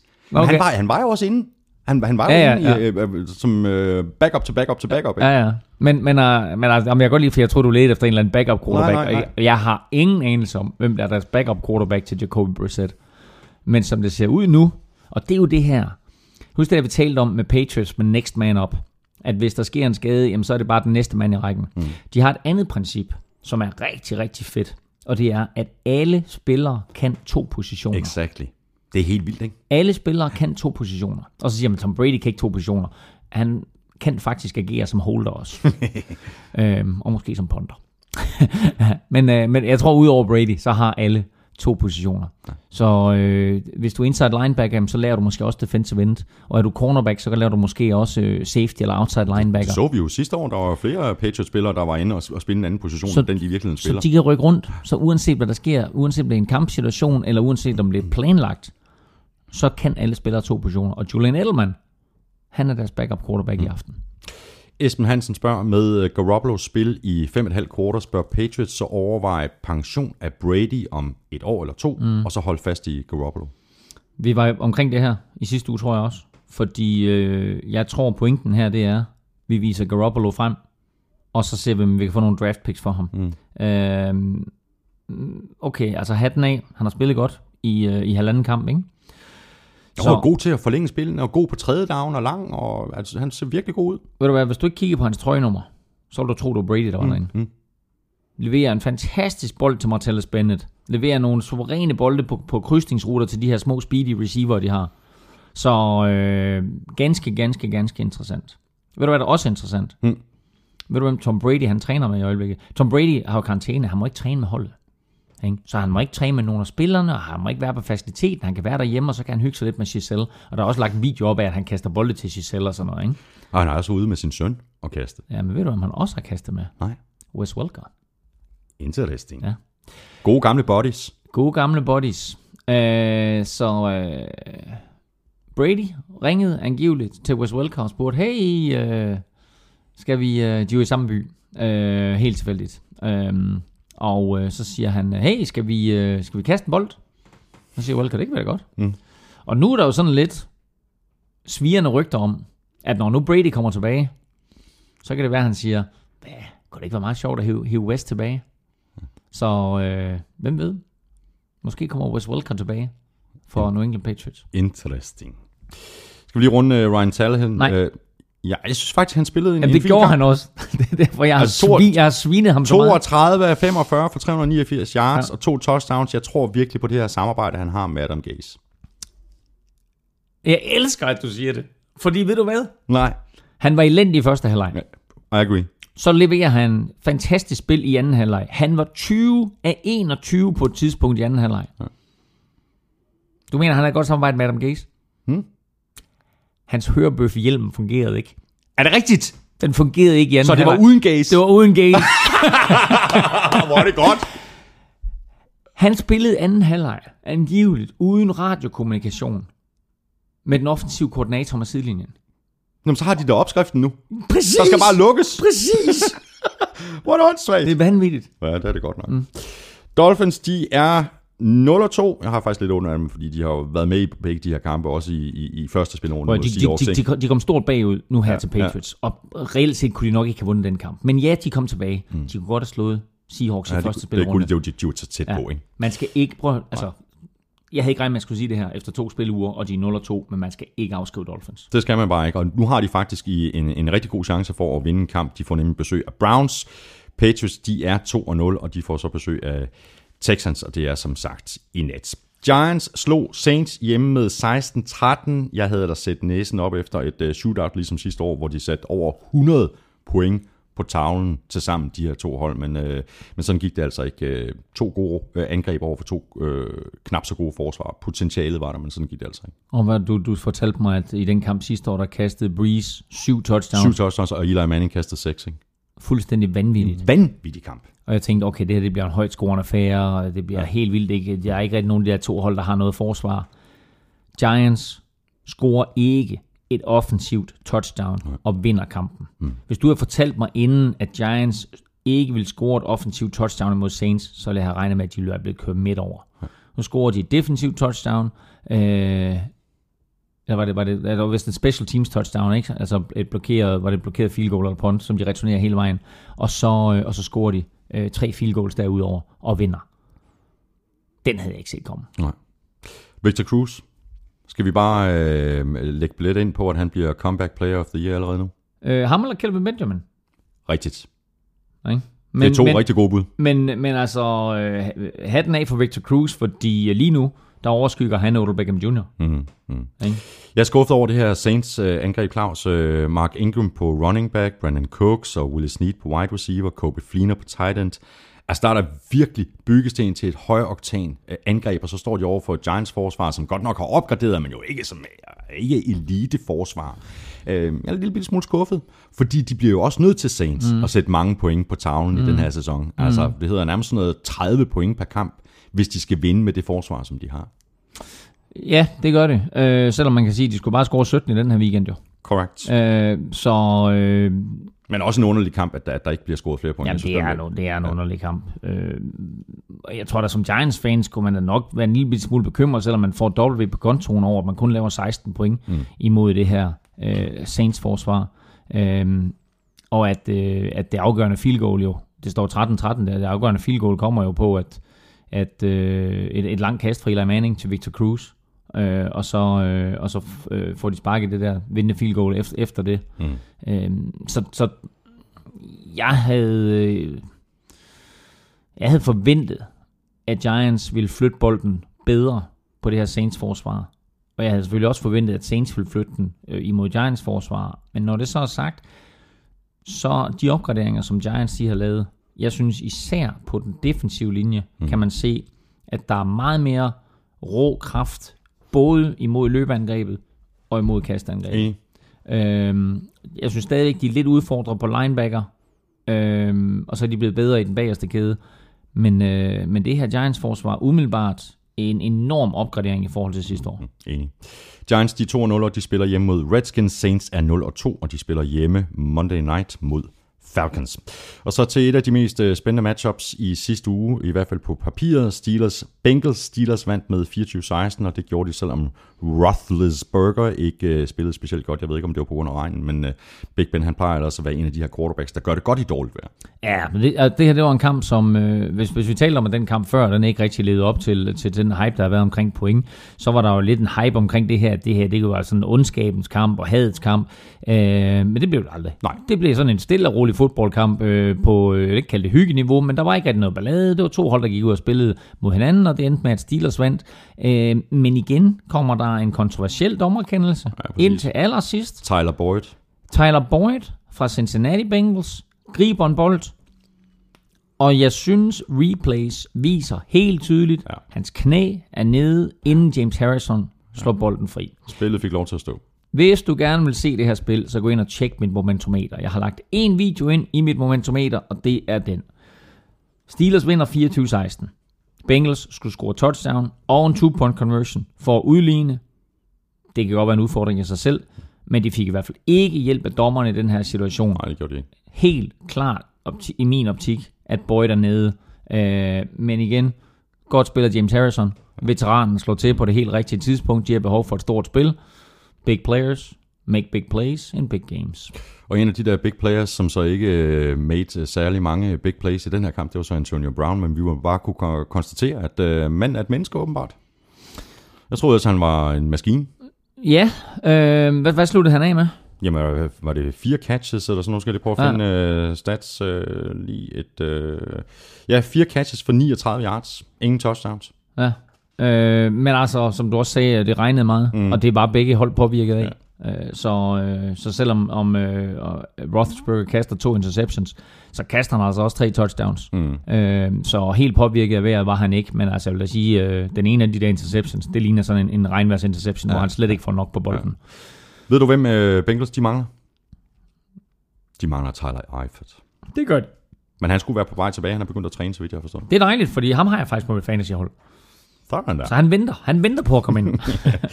Bengals de er 1 og 1, og de får besøg af de øh, forsvarende mestre fra Broncos. Steelers de er 2 og 0, og de møder... Hmm, hvem er det, de møder? De møder Eagles ud. for the touchdown. Whoa! Let's go! Ugen spiller præsenteres af Tafel. Så napper vi lige en lille øh, chipspause. Bare tage for dig af jeg er i gang med lækkerierne. Fordi vi skal have fundet en øh, vinder af en øh, kasse med chips fra Tafel. Hvis du ikke er en af de mange, der har mailet ind, og hvis du ikke lige er med på, hvordan det her det foregår, så er setupet meget enkelt hver tirsdag morgen eller formiddag. Der nominerer Elming og jeg tre spillere på NFL Shows Twitter-profil. Når vi har gjort det, så kan du så stemme på din favorit på mail og det er kun der, du kan deltage i selve konkurrencen. Du skriver dit bud i emnelinjen, og i selve mailen, der skriver du dit navn og adresse.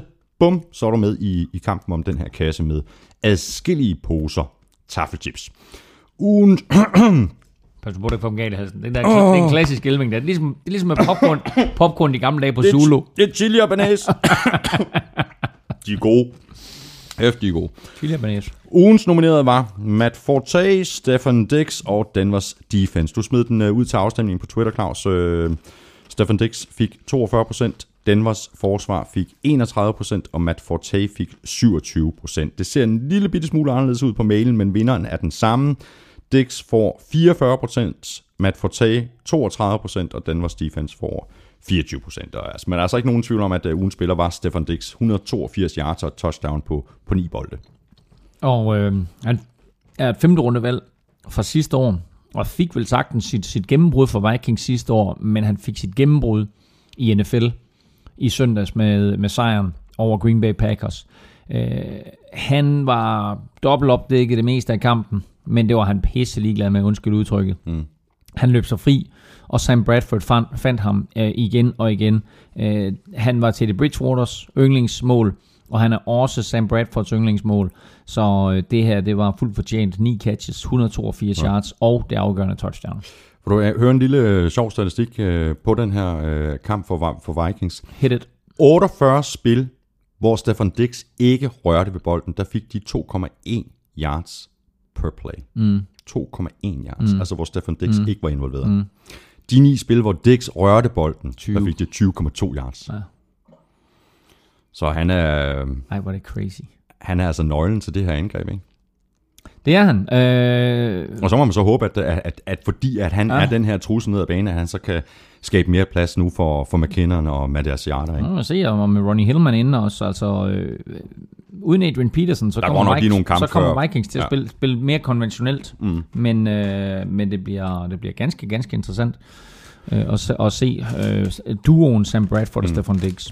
Så skal vi funde vores øh, vinder. Jeg har hældt øh, navnene på alle dem, der har mailet ind ned i en øh, tipspose fra Tafel. Claus, du er lykkens gudinde. Kunne du ikke have taget en taffelpose, hvor der ikke har været chips i, eller i hvert fald gjort den ren? Nu hiver jeg sådan en op her, hvor der er... Hold kæft, mand. Og vinderen er... Nu er det spændende. Nu er det spændende. Morten Lindqvist fra Valby, og han har skrevet Diggs. Diggs. Morten Lindqvist, øh, du kan allerede nu godt begynde at glæde dig til at modtage en kasse, kasse med chips fra Tafel inden så længe, som du så eventuelt kan bruge på en øh, fodboldaften sammen med vennerne.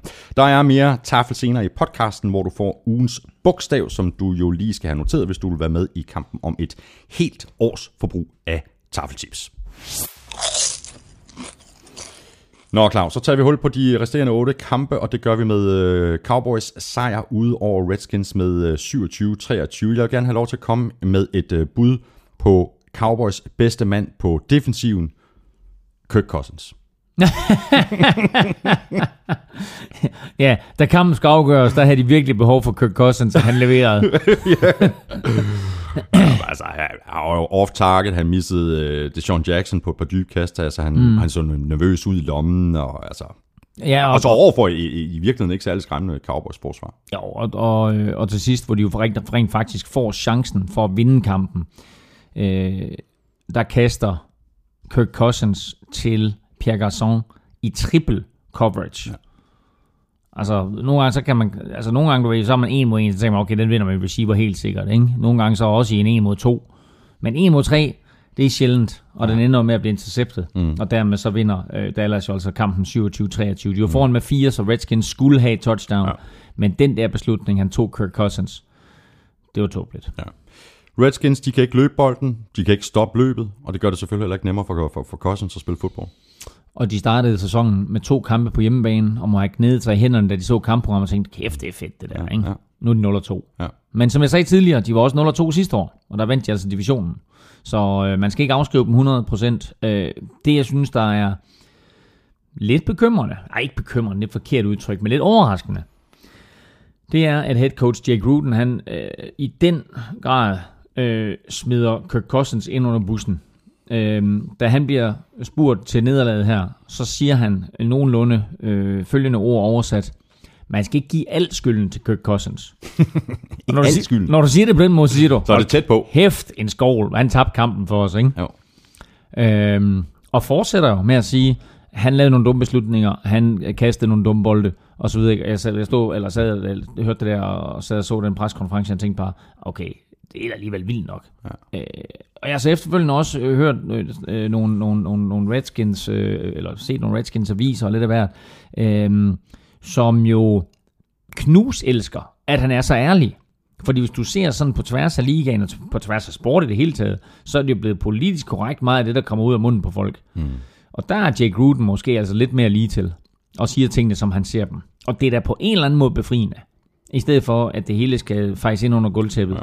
Så siger han, prøv at høre, vi har nogle ting, der skal rettes, og vi ved præcis, hvem det er, der skal rette dem. Han hedder Kirk Cousins. Altså, det var lige, hvad han sagde det sådan, ikke? Ja. Så, ja. Men nu snakker du om det her med, at øh, Redskins de også startede øh, dårligt ski, øh, de, de sidste år, og de kom igen, og de vandt divisionen. Men altså, sidste år, der havde Cowboys jo ikke øh, Dak Prescott. Det har de i år. Han spillede solidt igen. Det gjorde han, og vi har nævnt det både sidste uge og forrige uge, øh, at Redskins havde en fjerdeplads schedule sidste år. Så da de vinder alle de her kampe sent i sæsonen, der er det mod rigtig dårlige hold. Mm. De har en first place schedule i år, og det vil sige, at de har altså ikke ret mange nemme kampe. Nej, Øhm, og øh, hatten af for Dak Prescott, øh, som jeg skrev ind på mit momentometer for Redskins. Ved, ved du, hvad jeg skrev? Nej, nej. You like Dak? Den er god! ja, den er god. Den er rigtig god! Åh oh, ja. Des Bryant, superkamp. Og de fik ham i spil. Det gjorde de nemlig. Ja, og jeg tror, jeg tror, det var, øh, jeg tror, det var en coaching-beslutning, at de sagde, Dak, nogle gange, så skal du ikke gøre, hvad det er sådan, at du er blevet coachet til at gøre, du ved, læse forsvaret mm. og, og vælge den rigtige spiller og sådan noget. Nogle gange, så skal du bare kaste den til Daz, Ja. og så regne med, at han kommer ned med den. Og det gjorde han. Der var nogle af de der bolde der, dem skulle, den, altså principielt skulle Daz ikke have haft de bolde der. Nu kalder ham Daz, ligesom om at vi er homies, ja. ikke? Men øh, normalt så vil du kaste den et andet sted hen, og måske endda kaste den væk. Her der tror jeg simpelthen, det var en coaching-beslutning, der sagde, okay, hvis Des Bryant, han har ja. en mod en, øh, så kaster du den. Og det gjorde han. Og ja. Des Bryant kom ned med, var det syv bolde, han greb? Ja, syv, øh, og jeg tror, tror, han har targetet øh, Ja. ja. ni gange eller sådan. Jeg tror, der blev kastet mod ham ni gange. Præcis. Josh øh, Norman, han blev jo i, i venstre side det meste af den her kamp, men øh, rokerede så også lidt rundt for at dække op øh, lige præcis overfor mm. for Des Bryant. Jeg ved ikke, skulle, skulle Redskins ikke have gjort det noget mere? Øh, altså, fordi i de her one-on-one situationer, som, mm. som Josh Norman og Des Bryant havde, jamen der lukkede Norman jo ned for Des Bryant. Det gjorde han nemlig, og det var ganske imponerende. Øh, og øh, det var jo præcis det her, vi talte om i sidste uge med, at øh, i, i Redskins første nederlag, der øh, satte de bare øh, Josh Norman i højre side, og så sagde okay nu, eller forsvarets venstre, og så, øh, så lukkede han den side af banen ned. Her, der brugte de en kombination, hvor han var meget øh, igen i forsvarets venstre side, men af og til, der var han altså også sat til bare at være en mod en, øh, og så måske med noget safety hjælp hen over toppen øh, imod Des Bryant. Og øh, jeg mener faktisk, greb han overhovedet nogle bolde, Des Bryant, hvor Josh Norman var i coverage. Nej, nej, nej. Præcis. Nej. Så, Han øh, lukkede fuldstændig ned, ja. Josh Norman. Øh, og det er ganske imponerende, og, imp- og imponerer også mig, at Josh Norman var i stand til det, og, og fortæller mig så også, at øh, det her, øh, at, at Josh Norman her rent faktisk har været en, rigtig, rigtig god investering for Redskins. Og det viser mig også, at Carolina savner ham, fordi nu har vi set to uger i træk øh, quarterbacks have succes imod Carolina, og den quarterback, der havde succes mod Carolina i søndags, det var altså Blaine, Blaine Gabbert. Gabbert, ja. Ikke? Altså, Ja, exakt. så, øh, så han mangler hos, hos Carolina. Det gør han. Cowboys, de er 1 og 1, og de spiller hjemme mod Bears. Redskins er 0 og 2, og de skal et øh, smut til New York og spille mod Giants. Cardinals, de fik så øh, revanche for øh, forrige uges øh, nederlag til Patriots, og det gjorde de noget så eftertrykkeligt ved at smadre Buccaneers med 40-7. Jeg havde regnet med en langt mere jævnbyrdig kamp.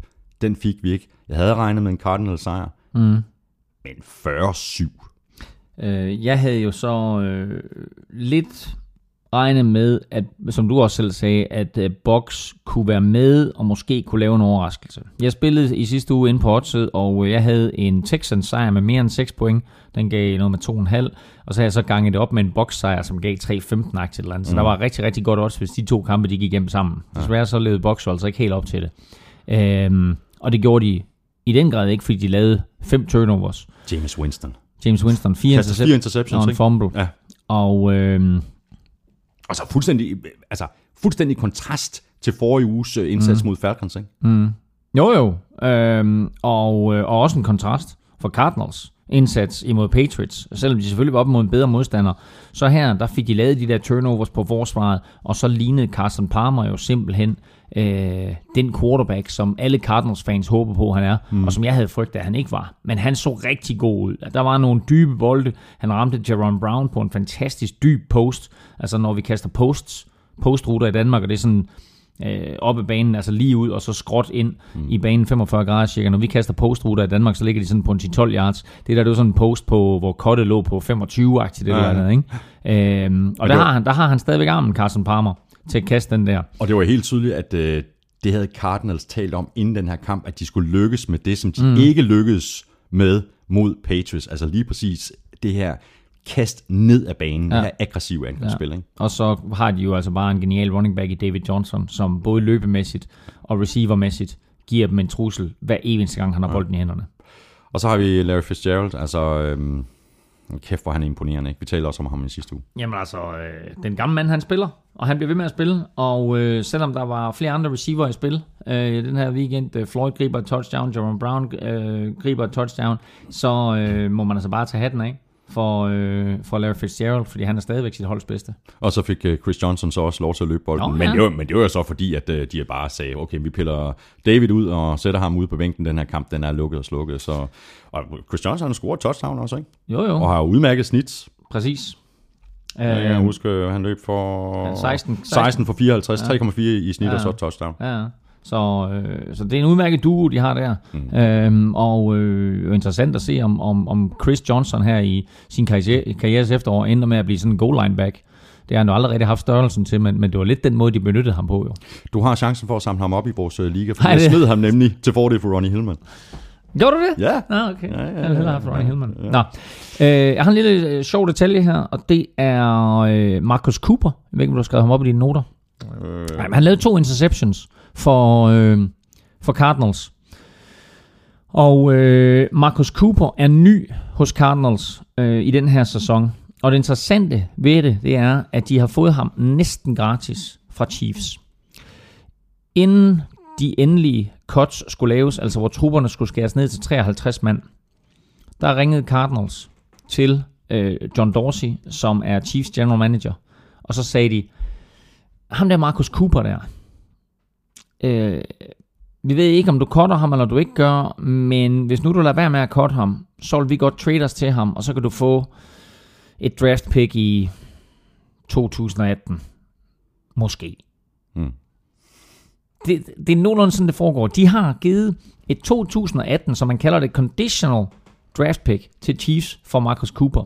Det vil sige, alt afhængig af, hvordan han spiller, hvordan han, hvordan han performer, så bliver det draft pick af en eller anden størrelsesorden. Mm, mm. Jeg har ikke øh, kunne læse mig frem til, om det er et fjerde runde pick, tredje runde pick, anden runde pick, eller hvordan den der kontrakt er, er konstrueret. Øh, men nu laver han to interceptions her i weekenden.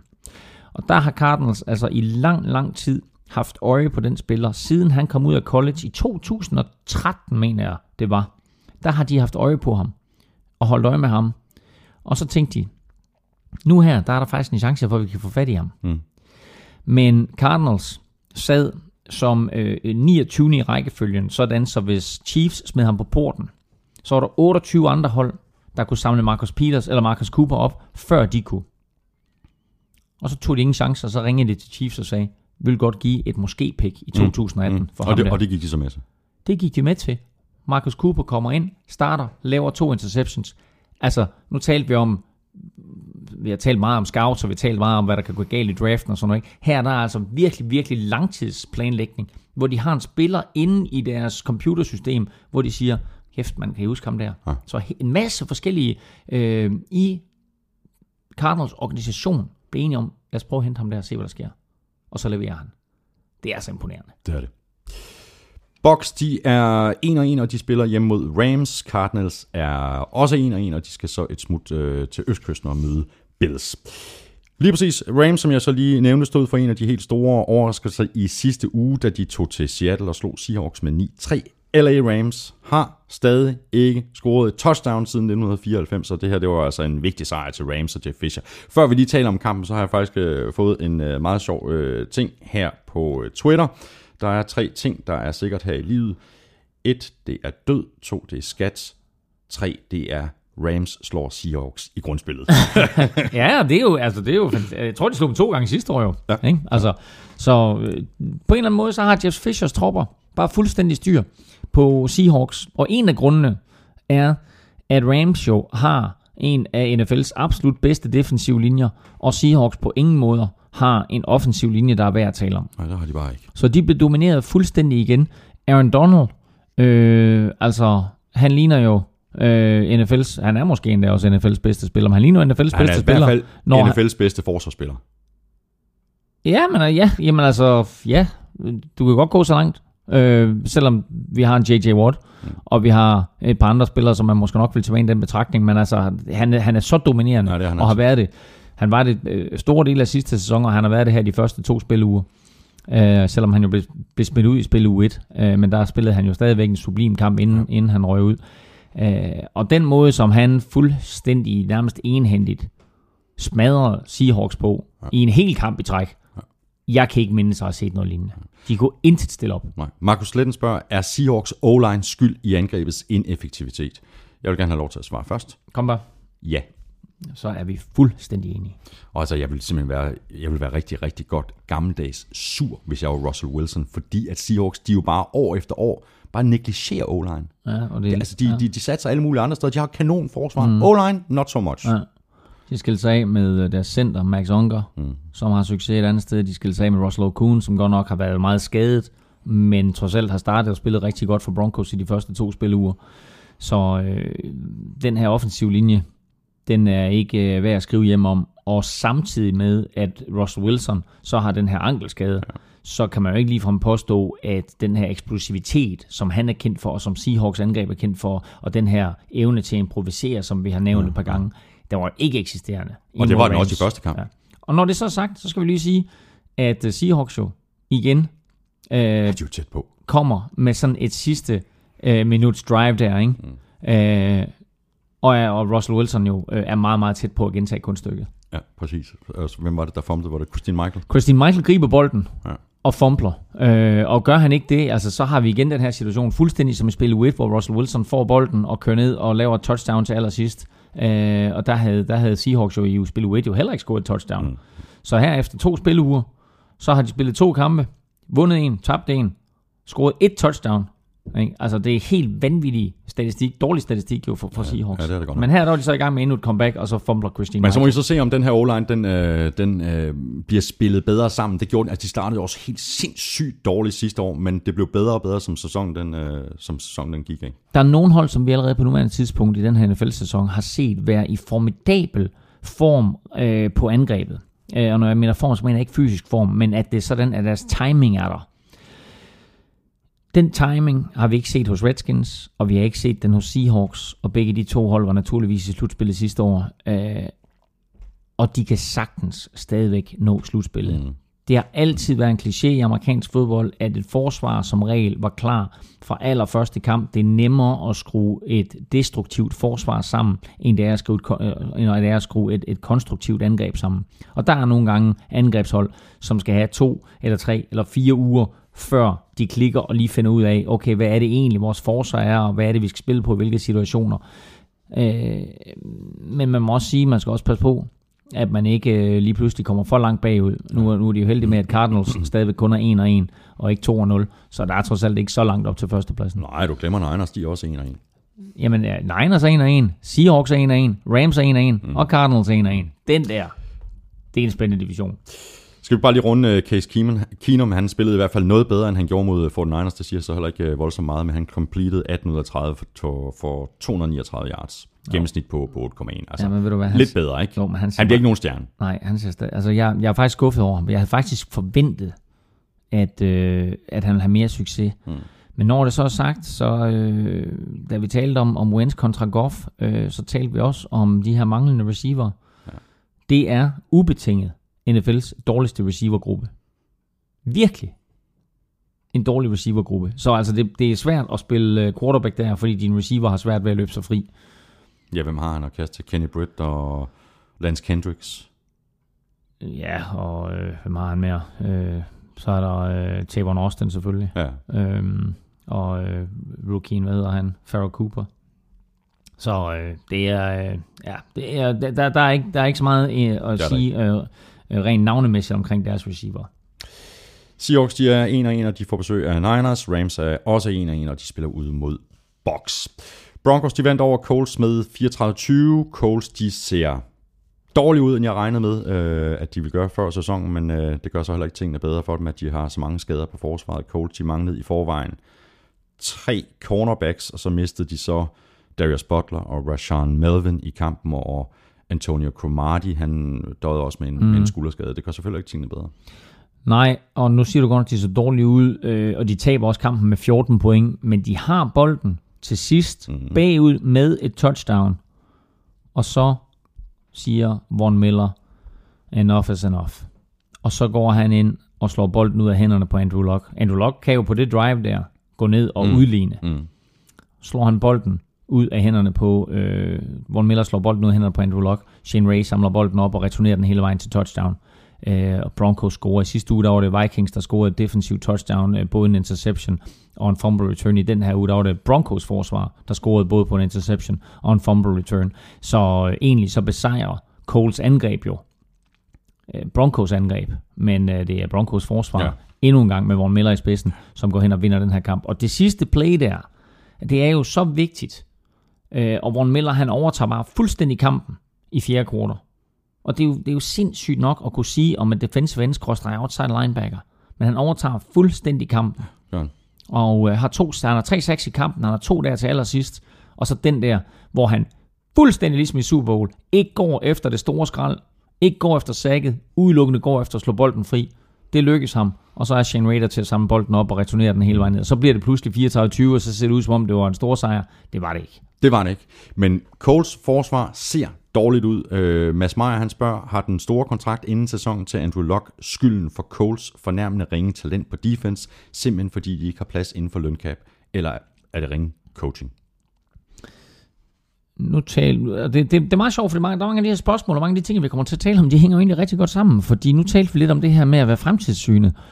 Og under Peyton Manning, så var holdet måske ikke helt så fremtidssynet, øh, som de godt kunne have været, fordi de havde en mand, der kunne vinde så mange kampe for dem på egen hånd, og omgav ham selvfølgelig med en hel del talent på angrebet. han havde en Marvin Harrison, øh, han havde en Reggie Wayne, han havde en Dallas Clark, han havde en Joseph Adai, han havde sågar også Marshall Falk på et tidspunkt. Mm. Øh, nu her tror jeg, at Coles er kommet i en situation, hvor de ikke har fået hævet spillere nok ind i systemet, som har talent på et niveau, så de kan være med til at hjælpe Andrew Locke. Andrew Locke er stadigvæk en rigtig, rigtig dygtig quarterback, men der er ikke talent nok omkring ham til, at de kan være et slagkraftigt hold. Nok er han en dygtig spiller, men han er stadigvæk ikke en Peyton Manning, da Peyton Manning var bedst. Så hvor de dengang ligesom planlagde på en eller anden måde og besluttede sig for, at det er den her måde, vi gør det på, hvis vi smider en masse kugler i angrebet, og, og så er forsvar måske ikke helt så vigtigt, så skal man lægge mærke til, at da de først vandt Super Bowl, så var det fordi, at de fik succes på forsvaret også. Mm. Nu her har de ikke nogen på nogen side af bolden, som er i, på det talentniveau, som da Peyton Manning spillede quarterback. Og der tror jeg, at det kommer til at tage minimum to eller tre sæsoner, før Colts har fået opgraderet deres roster til at, øh, at, at indeholde nok talent til, at de kan blive konkurrencedygtige. Og her passer det her spørgsmål fra Niklas Godenborg perfekt ind. Når man har et forsvar, som Colts har i øjeblikket, hvad vil I så drafte til dem? En super pass rusher eller en shutdown cornerback? Jeg vil starte med pass rusher. Ja, altså, jamen, det er to forskellige filosofier, øh, og øh, den, hvis, man, hvis man skal sige en Bill Belichick-filosofi, så er det jo uh, in the trenches, det vil sige, det er den offensive linje, og det er den defensive linje, det er mm. der fodboldkampe bliver afgjort, og uh, hans filosofi, Bill Belichick, hersker jo uh, rigtig, rigtig mange steder. Uh, så, uh, så det er, det er en måde at gøre det på. Uh, en anden måde at gøre det på, det kunne være, at se, hvem, hvem bruger den filosofi, det gør en, uh, det gør en Mike Zimmer i Minnesota Vikings. Han bruger filosofien med, med dygtige cornerbacks. Mm. At du skal sørge for, at, øh, at øh, dem, der skal forsvare dig mod kastet, at, de, at de, det gjorde han i Bengals med stor succes, det han gjorde det i Vikings med stor succes, og så har han selvfølgelig resten af forsvaret omkring dem også. Men, men han satte sig på cornerbacks, så det er to vidt forskellige øh, måder at anskue det på. Mm. Øh, jeg, tror, øh, jeg tror, min personlige favorit øh, er nok også at starte op foran med den offensive linje og defensive linje, så, så en eller anden form for defensiv profil. Ja, Prøv at se, hvad Aaron Donald Ja. Selvom han spiller defensive tackle, prøv at se, hvad han gør Det er, for også en, Rams. det er også en måde at løfte sine egne cornerbacks op til at spille bedre, end de måske i virkeligheden gør, fordi Præcis, jo. at, at presset fra, Ja. øh, altså, fra, Ja. fra, fra, fra linjen gør Ja. simpelthen, at, at quarterbacken kommer til at træffe nogle beslutninger, der måske er lidt tvivlsomme. Ja. Øhm, skal vi tale lidt om Broncos, så øh, tror jeg faktisk måske allerede godt nu, Claus, at vi må konstatere, at både du og jeg måske undervurderede Broncos en lille bitte smule før sæsonen. Altså, vi har talt om uh, Trevor Simeon. Han matcher jo i virkeligheden på fornem vis minimum det, som de havde sidste år. Jo, og, Og deres defense er stadigvæk monster. deres defense er monster. Øh, og igen, for lige at bringe øh, resultatet i spil her, det stod altså 27-20, og Coles kunne godt have gået ned og, og udlignet. Og så er det forsvaret, der afgør det hele for dem. Øhm, hvis de holder sammen på det nu her, og nu, ligger, nu, nu er de 2 og 0 og har fået en fremragende start, og, og måske mest vigtigt af alt, så ligger de nummer 2 på mit momentometer. Øhm, det er jeg sikker på, det er det, de går allermest op i.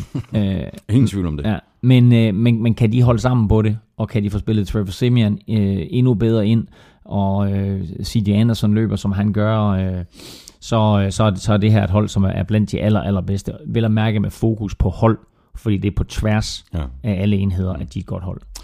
Broncos de er 2-0, og de spiller ude mod Bengals. Colts er 0 og 2, og de spiller hjemme mod Chargers. Kanon øh, kamp, vi fik mellem øh, Raiders og Falcons, som Falcons øh, noget overraskende vandt øh, med 35-28. Overraskende, men jo ikke ufortjent. Nej, og Matt Ryan så forrygende ud. Øh, det her, det var den første gang i 13 kampe, at Falcons scorede over 25 point. Og øh, så lavede de altså øh, 35 og slog Raiders mm. på udebane. Ja. Et Raiders-hold jo, som, øh, som jo fik en forrygende start på sæsonen med sejren over Saints, men altså så går hjem og taber til Falcons. Øh, ja. Og øh, nu talte vi om Giants og deres forsvar, deres opgraderinger, man kan se en, en, en klar forbedring. Hvis vi kigger på Raiders, så må vi bare sige, de hævde Sean Smith ind fra Chiefs. Han har været en katastrofe indtil videre. De hævde Bruce Irvin ind fra Seahawks. Han har været, nærmest været øh, ligesom, lige så anonym som Malik Jackson har været det i Jacksonville. Så hævde de Reggie Nelson ind fra Bengals, som jo er en rigtig, rigtig dygtig safety, og som slet ikke har lignet den safety, han var for Bengals. Og så har de hævet et par, par, par stykker mere ind for at opgradere det her forsvar. Men det kan man ikke se, fordi altså, ved du hvad, altså, det er jo nemt at pege fingre af, af Raiders secondary, ikke? Men der er heller ikke noget pass rush. Der er ingenting. Der er ingenting. Nej, der er intet. Øh, altså, øh, Khalil Mack efter to kampe, Ingen sacks. 0-6. Altså, og det er lidt vildt, ikke? Der er jo mange, der taler om, at han bliver, han bliver MVP og sådan noget. Mm. Altså, Han gik jo så amok. Altså, han startede også svagt Ja, sidste ja, år, så gik han ja, op ja. og var 15 sacks Ja, på ja. de sidste 14 kampe, eller sådan noget, så han kan nå det nu, ikke? Ja, ja, han er også 0-6 efter to kampe sidste år, skal ja. lige siges. Så drafter de øh, i første runde i år, og det var et overraskende draft pick, set med mine øjne. Der drafter de en safety, der hedder Carl Joseph. Det gjorde de med det 14. pick i årets draft. Og øh, han har spillet lige nøjagtigt 0 snaps indtil videre på forsvaret. Han har været inde på special teams og har set lidt action, men han har spillet 0 snaps på forsvaret. Nu er de i så store problemer her efter to spilleuger, at de har besluttet sig for, nu spiller han. Øhm, så han starter her i spil uge 3 øh, sammen med Reggie Nelson. Og det er nok en god idé, fordi i de første to spiluger, der har Raiders forsvar opgivet 819 yards til Drew Brees og Matt Ryan. 819 yards. De har over 1000 yards imod sig i samlet offense i de to første kampe. Ved du, hvornår det sidste er sket? Nej. Det er jo helt åndssvagt. 1000 yards i de første to kampe. Det er jo helt åndssvagt tal. Ved du, hvornår det sidste er sket? Nej. 1951. Så åndssvagt er det. Ved du, hvad holdet var? Nej. New York Yankees. Passer faktisk ikke helt, det hedder New York Yanks. Men, øh, okay. men, det, men det er der, vi er. Ikke? Det, er, det er et hold, som, som øh, ikke eksisterer mere, og som vist kun spillede to eller tre sæsoner i NFL. De var så ringe, at de tillod 1000 samlede yards imod sig. Det er ikke sket siden 1951. Det er så ringe Raiders, de er. Ja, det er det godt nok. Så der skal ske noget på det her forsvar. Det skal der virkelig. Hurtigt spørgsmål omkring uh, Matt Ryan fra Martin B. Vangsfeldt. Uh, han spørger, er, altså han konstaterer, at Matt Ryan er lige nu ligaens bedste quarterback statistisk. Kan Falcons defense steppe op, så de måske kan blive en uh, contender til, til playoffs? Jamen, jeg ved det ikke. Altså, vi har jo talt om Dan Quinn mange gange. Øh, om, at han kommer fra Seahawks, og øh, han skruede et, et, øh, et stærkt forsvar sammen i Seahawks. Det er jo stadigvæk det, de, de nyder godt af i Seattle. Og øh, han prøver på at gøre det samme i Falcons. Jeg tror ikke, at han har talentmassen endnu til at være på niveau, altså slet ikke med, med Seahawks, men heller ikke øh, der, hvor han gerne vil være som coach. Så det tager ham i hvert fald en sæson mere eller to.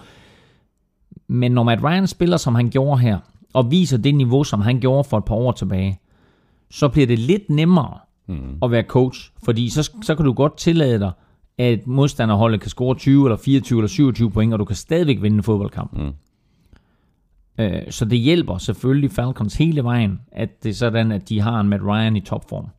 Øh, og så må vi sige også, at en, en Tevin Coleman, som der var så store forventninger til sidste år, ja. måske nu har fået sit gennembrud, og måske stille og roligt overhaler Devonta Freeman. Ja. Det var lidt en overraskelse, at Devonta Freeman fik så god en sæson sidste år. Det må man sige til. Og så, så kommer Tevin Coleman nu, mm. øh, og viser den her eksplosivitet, han er kendt for, og viser sine store evner også i kastangrebet. Falcons, de er 1 og 1, og de skal til øh, New Orleans og spille mod Saints Monday Night. Raiders, de er også 1 og 1, og de møder Titans ude. Og jeg har en sidste lille hurtig kommentar bare lige til Raiders. Ja. Og det er, at der er ret positive nyheder, hvis man ønsker, at Raiders de skal blive i Oakland. Og det er, at der er en investorgruppe faktisk nu, som er gået sammen og har tilbudt omkring en milliard kroner for at købe stadion og de næromliggende ro- øh, områder. Øh, simpelthen for, øh, at, at Raiders ikke flytter til for eksempel Las Vegas, som der har været snakket om. Og der er faktisk kommet en, øh, flere spørgsmål, både på mail og på Twitter, omkring, at der, der er Andreas Lundgaard, han skriver, hvor det er guds jammerligt dumt at se på den her kæmpe store baseballbane, mm. der dækker Raiders Stadion mm. hver eneste år, og øh, Thomas Munk Andersen skriver, at han kan slet ikke forstå, at, at det kan være, at øh, ligaen giver lov til det, fordi det må jo være farligt for spillerne at løbe rundt på, på den her bane. Altså player safety, de løber på to forskellige slags, øh, ja, slags underlag, ikke? Der har været rigtig, rigtig mange baner igennem tiderne, som har haft øh, den, der baseballbane, ikke? fordi at, at øh, hold jo selvfølgelig delte stadions, øh, så der skulle både være plads til baseball og fodbold, men jeg tror det eneste hold, eller det er det eneste Det er hold det nu, eneste hold, ja. som, øh, som, som stadigvæk deler stadion med, med et baseballhold. Øhm, og det har jo på en eller anden måde sin charme. Øh, sådan lidt, lidt, lidt, lidt underligt, ikke? Men altså, som jeg har nævnt nu efterhånden rigtig mange gange, hold kæft, hvor var det fedt at være på Colosseum og se er Raiders spille. stemning, Så ja. jeg håber, jeg håber de bliver der, og hvis de laver en eller anden form for rekonstruktion af stadion, så håber jeg, at de er i stand til at, at bevare den ånd, der er der. Mm. Og så hopper vi så videre til øh, Chargers, der vandt med 38-14 over Jaguars. Øh, jeg synes bare, det er fuldstændig imponerende uden Keenan Allen. Og uden Danny Woodhead, Ja, ja, præcis. Som også bliver skadet og er ude for sæsonen. Ja. Ja. Det er altså to store stjerner. Keenan Allen ude med korsbåndsskade i første spilleuge. Ja. Danny Woodhead ude med en korsbåndsskade i anden spilleuge. Men uh, Travis Benjamin, Ja, der det- er kommet til han er fra, første fra receiver, Cleveland. Ja. Han er blevet ny første receiver. Ja. Uh, og uh, han har gjort det godt allerede. Så igen, spiller man fantasy football, og er han derude, det er han nok næppe, men hvis han er der, så samle ham op, fordi øh, han kan altså gå hen og blive guld værd for dig. Og så må vi sige, at øh, Antonio Gates, tror jeg også som tight end, bare stille og roligt vil få flere og flere bolde. Jamen, hvad er han? 57 efterhånden eller sådan noget? Det er jo helt åndssvagt. ja, jeg ved, jeg ved ikke, hvor gammel han er, han er gammel. nej, han er, han er, han er en gammel her. Ja. Øh, Og så, så skal vi jo også nævne øh, cornerback øh, Casey Hayward, ja, som øh, de fik fra, fra øh, hvem, så, hvor de fik det, han de signede en treårig kontrakt, ikke? Øh, på 15 millioner kroner, de har da fået øh, fuld valuta for de, øh, for de ja, 5 penge. ikke? millioner dollars. Ja, 15 millioner dollar, ja. ja.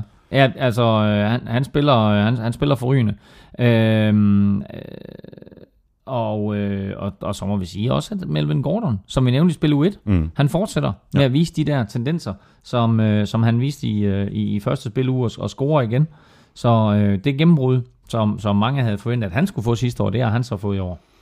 Og vi har snakket om at Jaguars, og vi begge to er super skuffet over det med... øhm, altså, Blake Bortles havde en rigtig skidt aften, ikke?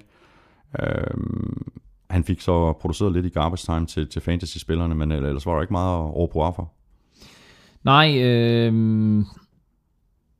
nogle af de bolde, han kaster, er helt horrible placeringsmæssigt. Nogle af de beslutninger, han tager, er helt forfærdelige, hvor han kaster til, til den forkerte øh, spiller. Øh, og så må vi sige, at en spiller som Allen Robinson, der havde så stor en sæson sidste år, og der var så store forhåbninger til i år, at skulle være en af de her nøglefigurer på Jaguars mandskab. Altså, han har været nærmest fraværende i de ja, første to han, spiluger. Ja, han fik et catch i den her kamp, vidt jeg husker, ikke? Helt vanvittigt jo. Øhm, så, øh, så alle de store indkøb på forsvaret, alle de store draft picks på forsvaret, har ikke givet bonus endnu, og angrebet er en skygge af sig selv fra sidste år. Så det her Jaguars-mandskab, som vi havde forhåbninger til, og der var mange andre, der havde forhåbninger til, og kunne være en potentiel overraskelse, der må man bare sige, at det kan være fint nok at have et, et hold, der på papiret har et hav af store navne, mm. men det er på banen, du skal sætte det sammen. Ja. Og de får så lov til at øh, spille mod Ravens. Øh, Jaguars, de er 0-2, og Chargers, de er 1-1, og de spiller ude mod Colts. Og så er vi så Og Casey kommet frem... Hayward, Casey Hayward kom jo til fra, fra Packers. Det er rigtigt. Så er vi så kommet frem til den der kamp, som du bare sidder og venter på, Elming. Øh, nyt stadion, ny quarterback, og så en sejr på, på 17-14. Kom så med det. Og nyt horn. Kom så med det. Sunday night, night-kampen øh, over Packers øh, 17-14. Øh, det er lidt vanskeligt at sidde og være, være sådan rigtig sur, på Ja. trods af det med Adrian Peterson. Adrian Peterson er skadet, Teddy Bridgewater er skadet, og nu her onsdag, der øh, hentede de så godt nok Ronnie Hillman ind, men samtidig så satte de venstre tackle Matt Khalil på injured reserve, og ham nævnte du ikke, men øh, det er altså tidligere første runde draft pick, mm. valgt som nummer 4, har startet samtlige kampe for Vikings siden. Øh, det vil sige, når du kigger nu her fremover, jeg lagde, jeg lagde en lille sjov artikel op, med, hvor var der en, der havde skrevet et tweet, at inden sæsonen, hvis man kigger på Vikings angreb, så var der ikke nogen, der havde skulle regne med, at øh, Sam Bradford skulle bo- øh, bolden af til Ronnie Hillman, og han skulle løbe op bag ved venstre tackle TJ Clemmings. Nej. Så øh, det er, det er altså tre nøglepositioner, Ja, det er det. at Vikings har fået skader på, og de er stadigvæk konkurrencedygtige, og de Ja. besejrer stadigvæk Green Bay Packers. Så det, det var en vigtig, vigtig sejr for, for Vikings, og det var selvfølgelig super fedt for dem, at det skete på hjemmebanen foran. Og jeg var overrasket over tallet. 88.000 tilskuere. Og jeg vil lige have lov til også at sige, LA Rams på hjemmebane, 91.000 tilskuere. Ja. Det er vilde tal. Ja, det er det godt nok. Noget andet, der er vildt. Øh, spørgsmålet er, om det her ikke er simpelthen er Sam Bradfords øh, bedste kamp ever i NFL. Hvor, hvad får du til at sige det? Jamen, han, han lavede ikke nogen fejl, og så er han fuldstændig tof. Altså, de der tæsk, han fik ikke. Der er, der er i hvert fald ikke nogen, der skal pege på Sam Bradford, og så siger han, at han er en tøsdreng. Skal du høre, hvad der står her? Som jeg har skrevet op som note. Sam Bradfords bedste kamp som professionel. Okay, så er vi enige. eneste kamp i sine hidtil 64 NFL-kampe, hvor han har completed mindst 70% af sin kast mm. for 250 yards med en rating på over 120 og en sejr. Nå, men så er vi fuldstændig enige. Spørgsmålet er, om vi så også er enige omkring øh, Packers angreb, fordi det ligner ikke sig selv. Jordy Nelson ligner ikke sig selv. Øh, Aaron Rodgers ligner ikke sig selv, mm. og jeg ved ikke, hvor meget, der, hvor meget man kan tilskrive øh, Vikings øh, forsvar. Men jeg synes ikke, at de bruger deres options på wide receiver specielt godt. Jeg synes ikke, at det er nærmest sådan... Aaron Rodgers, kan du ikke lige uh, trylle, mm. øh, og så kaste uh, en mod en? Mm, og hvis han så tryller, så tryller han. Hvis han ikke gør, jamen, så... Altså, Packers største spil var en 44 yard pass interference penalty imod Terrence Newman. Mm. Øhm, jeg tror, Vikings forsvar er rigtig god. Jeg tror, de er rigtig, rigtig gode, fordi Aaron Rodgers scramblede en del, og når han er når han scrambler, har vi talt om, at nogle af dem, der er gode til at improvisere, det er Russell Wilson og Ben Roethlisberger. I den snak skal man naturligvis også have Aaron Rodgers. Mm. Han er en mester i det der. Når han scramblede, så var der ingen åben. Når han købte sig selv til 4-5 sekunder, så var der ingen åben. Det er vildt. Og det viser, at at der var tight coverage. Og så begyndte de lidt Packers at køre på, på cornerback Trey Waynes, og han bliver kaldt for tre pass interferences, så han blev bænket i løbet af kampen. Men det er Trey Waynes, der laver den afgørende interception sidst i kampen, hvor Aaron Rodgers har chancen for at køre ned og lave lidt magi og afgøre kampen til fordel for Packers, så er det Trey Waynes, der laver den afgørende interception. Så en kamp, hvor Trey Waynes i første halvleg var suveræn, spillede for en skadet Xavier Rhodes, øh, men i anden halvleg kører Rodgers bare på ham. Og hvis bolden ikke bliver grebet, så laver Trey Waynes pass interference. Mm. Men på det afgørende tidspunkt, der kører de en gang for meget på ham, og der laver han sin interception og afgør kampen. Synes du, Jordi Nelson ligner sig selv? Det er så sjovt, du siger det der, fordi jeg sad jo øh, og så kampen, som sagt. Jeg vågnede helt af mig selv og stod op og endte jo med at se hele kampen. Og øh, Chris Collinsworth var ekspertkommentator på kampen. Og lige i starten, så rammer Aaron Rodgers Jordi Nelson måske to gange, og så siger Chris Collinsworth, er det ikke utroligt, han har været væk et helt år, mm. og man kan bare se timingen er der mellem de to. Sikke en tilføjelse, han bliver, det bliver så godt for Aaron Rodgers at få Jordi Nelson tilbage. Mm. Midt i anden halvleg, der siger Chris Collinsworth, der er ingen timing mellem de to. Det er, der, der er lang vej igen. Det her, det ser ikke godt ud. Nej. Så øh, hvor de startede fint sammen, så fik Vikings pille brøden af Jordi Nelson, eller også at Jordi Nelson bare ikke der, hvor han skal være. Øh, Aaron Rodgers Jamen, Aaron Rodgers ser jo altid god ud på en eller anden måde, men altså, det, der, der, der mangler bare et eller andet, det gør som du også altså. pointerer. Ja, det gør det altså. Men altså igen, lad os nu se, fordi det kan godt være, at Vikings forsvar, de er så suveræne, ikke? Det var trods alt også dem, der vandt kampen i første uge for dem, mm. imod Tennessee Titans. Og Vikings, de er 2-0, og de skal til øh, Carolina og spille mod Panthers. Så får vi, det bliver en test for Vikings øh, forsvar i hvert fald. Og så Packers, de er 1-1, og de får besøg af, Lions. Og så er vi frem ved Monday Night-kampen. Eagles slog Bears med 29-14 på udebane. Og vi har jo allerede talt om, om Carson Wentz, øh, men det kan vi da godt, øh, det kan vi da godt gøre igen. Om ikke andet så for at genere alle Rams-fans. Ja, altså Rams og Cleveland fans. Ja, ja, fordi. Cleveland, altså Rams tog Goff, og Cleveland havde jo chancen for at, at, at tage wins, mm. men valgte at trade alle deres... Øh, eller valgte, at- valgte at få et, hav af draft picks af Eagles, og Eagles øh, så jo et eller andet i wins, som, som de mente øh, var nok til, at de ville mere eller mindre pansætte hele deres fremtid på ham. Mm. Og øh, lige nu, der, der virker det jo som om, at det var det rigtige at gøre. Øh, som nævnt, så er han den eneste quarterback nogensinde, der har startet sine to første kampe med to sejre, og ikke kastet den eneste interception. Så øh, et, øh, et flot, flot start på hans NFL-karriere. Har været mod to overkommelige modstandere selvfølgelig. præcis. Men, øh, og nu får han sin sag for imod Steelers, fordi Steelers forsvar rent faktisk har set ganske god ud i de første to spiluger. Nu får han sin sag for, men jeg tror ikke, han falder igennem. Nej. Og det kan godt være, at han kaster en interception eller to, og det kan også godt være, at de taber kampen, og det kan også godt være, at de taber med 14 eller 21. Men jeg tror ikke, at jeg tror ikke, han falder igennem. Så på Bears side af bolden, så havde vi så Jake Cutler, der jo så gik ud på grund af en skade i sin øh, tommelfinger. Og jamen, det er jo alvorligt for en quarterback at have en skade øh, på, på tommelfingeren. Altså, det er den vigtigste. Jeg vil, vil at mærke på højre hånd. Ja, ja, præcis. Ved du, hvem der Øh, kom ind? Ved du, hvem der er deres backup? Brian! Højer! Spørgsmålet, jeg, jeg tror ikke, det er så slemt. Ah, han er ude i fire uger, melder de. Ja, ja, Ja. ja. præcis. Øhm, Bears, de har Men ikke problemer. De, Bears, de har problemer på deres offensiv. Det er ikke kun på grund af Jay Cutler, og at han skal sidde ude i de her 3-4 uger. Fordi udover Alshon Jeffrey, og måske Eddie Royal, så er der ikke noget at hente på det her angreb, er der? Eddie Royale with cheese. Kevin White, han er der ikke endnu i hvert fald. Nej. Han løber øh, bubble screens og reverses og slants og altså... Og Jeremy Langford, han løber bolden 11 gange for 28 yards. Ja. Scorer godt nok et touchdown. Ja. Øhm, men øh, det ser ikke godt ud. Nej. Øhm, og øh, Bears ligger sidst på mit momentometer. Mm. De har jo også problemer på, på deres øh, defense. Jamen altså, de har problemer over det hele. Mistede cornerback øh, Bryce Callahan. Safety Adrian Amos. Ja. Øh, jernryst, så begge to, så vidt jeg husker. Og så blev deres uh, nose tackle Eddie Goldman uh, kørt for banen med en mm. så ja. Og, og, Du har, du har maler og- nederst på, det, på, på, på dit momentometer. Ja, ja, de ligger, de ligger nederst. Og øh, den lille tekst, jeg skriver til hvert hold, der skrev jeg hos Bears, der skrev jeg, at øh, head coach John Fox har taget sine to sidste hold, Denver Broncos og Carolina Panthers, til slutspillet. Faktisk til Super Bowl Mm. i sin anden sæson. Kommer nok ikke til at ske her. Nej. Bears, de er 0 og 2, og de skal til øh, Dallas og spille mod Cowboys. Eagles er 2 og 0, og de spiller hjemme mod Steelers. Så nåede vi igennem øh, anden spillerunde. Lige om lidt, der kigger vi frem mod uge øh, 3. Vi skal også have nogle øh, spiltip til oddset på, på danske spil, og så får du øh, ugens bogstav i den store bogstavlag fra Tafel. Men lad os lige nappe dit øh, momentometer først, Claus. Øh, eller i hvert fald din top 3 eller 5. Det bestemmer du selv. Vi tager de fem første i min top 3.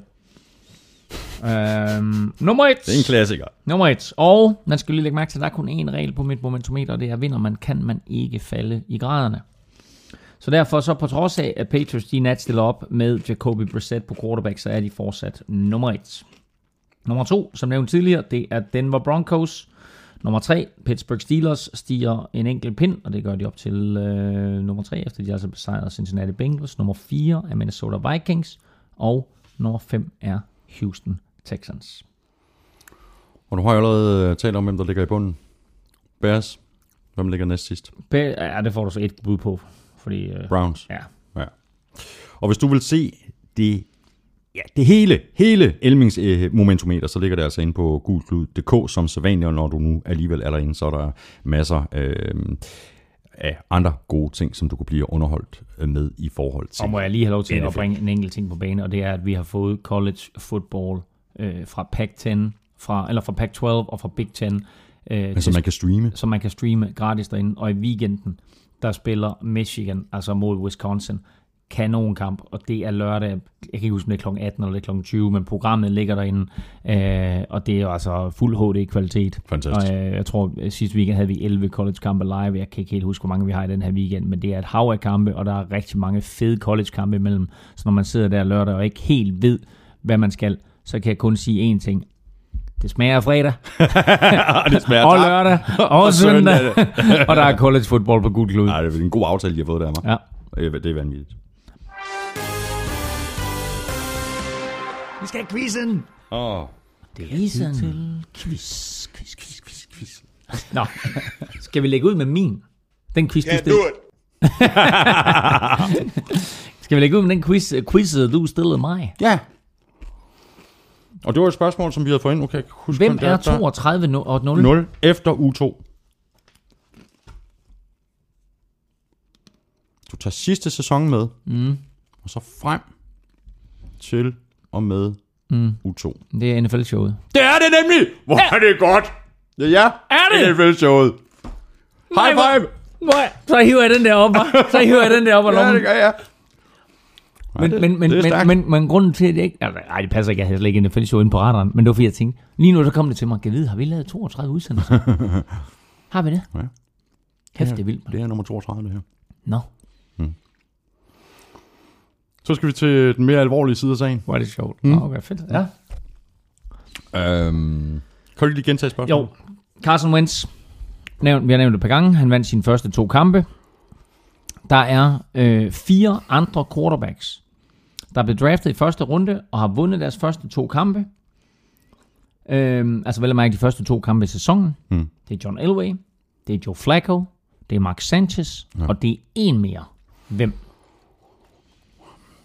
Jeg tror, vi skal lidt tilbage i tiden. Jeg har simpelthen siddet Ja. og spolet rundt Ja, her. Jeg har ja. Men det er ikke, Nej. det er ikke ens betydende med, at jeg har Nej. ret. Det kan som være sidste år, hvad ved jeg. Mm. Øhm.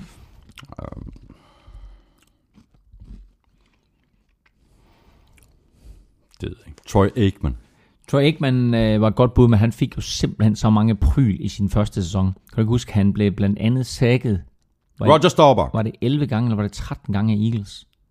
Jeg tror, de, jeg tror, de sækkede ham 11 gange i en kamp, Eagles. Nej, det. Øhm, nej, grunden til, at jeg synes, den her quiz er sjov, og grunden til, at jeg synes, svaret er sjovt, det er, fordi det er simpelthen så utrært et svar. Okay. Du ved præcis, hvem det er, og svaret er bare fuldstændig vanvittigt. Jeg ved ikke, hvem det er. Hvilken quarterback vil du aldrig nogensinde gætte på vandt sine første to kampe? Kirk Cousins. Okay, han blev ikke draftet i første runde. Ikke? Altså det er en quarterback, der er draftet i første runde og vandt sine første to kampe i sin rookie-sæson. Skal vi til, øh, skal vi til Patriots? Hvem fanden er Patriots draftet først? Altså, tænker du, du er Bledsoe nu, eller hvad? Han blev... Nej, nej, som, øh, som, hvis du siger, at det er fuldstændig sindssygt, og jeg aldrig nogensinde vil komme ja. I tanke om det, Ja. så er det mega flop for Raiders. Jamarcus Russell. er til. Og, og det er der, vi er henne af. Det er Altså, ikke så- det rigtige svar, men Okay. det er... Men det er lige så vanvittigt. Ja. Der er kun én mand, du kan sammenligne med Jamarcus Russell. Draftet samme årgang som Peyton Manning. Manning 1. Jamen, jeg kan ikke huske, hvad han Nummer hedder. to. Jamen, jamen, jeg ved godt, hvad han hedder. Jeg ved ikke, jeg kan ikke huske navnet. Ikke Matt Ryan, men Ryan Leaf. Ryan Leaf vandt sin første to Gjorde kampe. Det? Men det var så også de eneste. Han, øh, er det ikke sjovt, du siger det, fordi han, øh, han spillede 10 kampe i sin første sæson. Han startede de 9. Øh, I de 10 kampe, han vandt 3. Han kastede to touchdowns. 15 interceptions. Blev sækket 22 gange. Fumblede bolden 8. Havde i alt 23 turnovers ja. på 10 kampe. Nej, det er skidt. Han vandt sine første to kampe. Nå, Claus Elming, nu skal vi have smidt nogle penge ind på, øh, på oddset fra, fra Danske Spil. Jeg lægger 50 kroner per kamp hele sæsonen.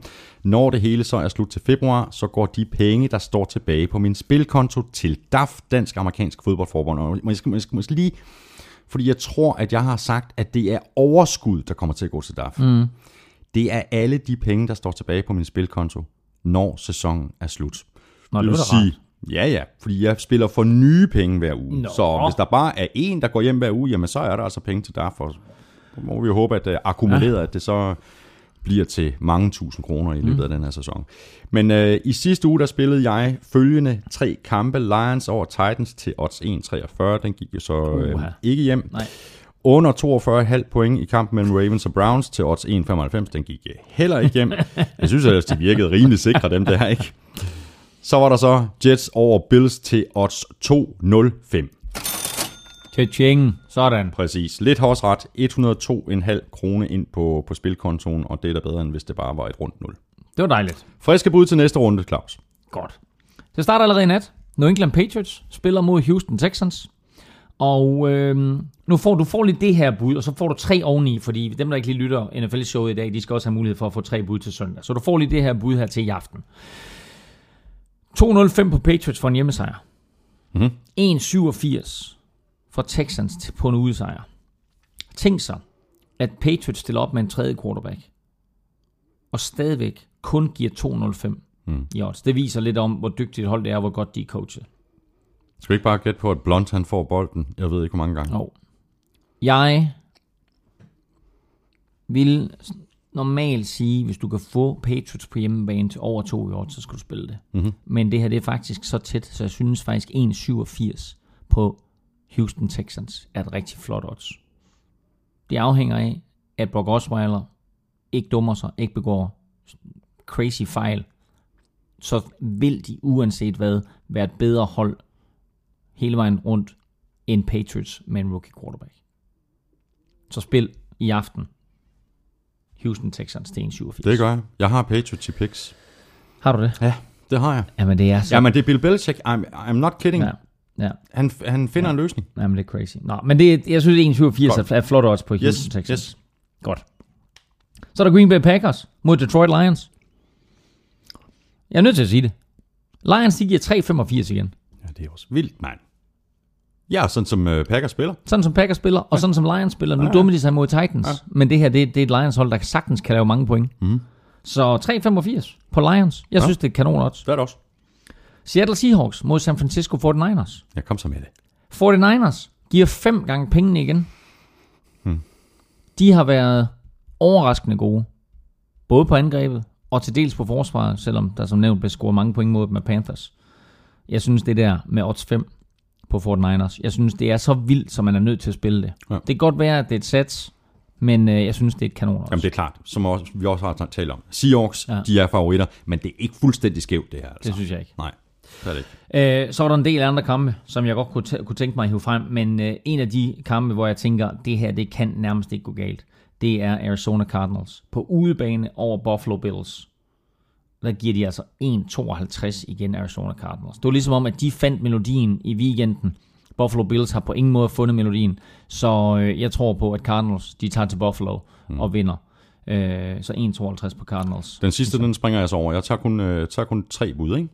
Okay, så tag de tre første. Det var mere, Ja. for, det var mere for at give folk øh, tre bud til søndag også. Ja, ja, men præcis. Jeg skriver en ugenlig spilartikel, øh, som kommer til at ligge inde på danskespil.dk, og som også kommer til at ligge på gulklud.dk, og der kan man se alle mine bud på øh, de kampe, som jeg øh, føler lidt for her i weekenden. Og jeg skal bare lige være helt sikker. øh, Der er ikke nogen af de her kampe, hvor du sådan øh, føler dig fristet til at tage den inklusiv øh, overtid, altså hvor, hvor odds jo så falder en lille smule. Altså, hvis man Du skulle tager det, dem rent, eller hvad? Ja, altså, hvis man skulle det, så skulle det måske... Ja, altså... Øh...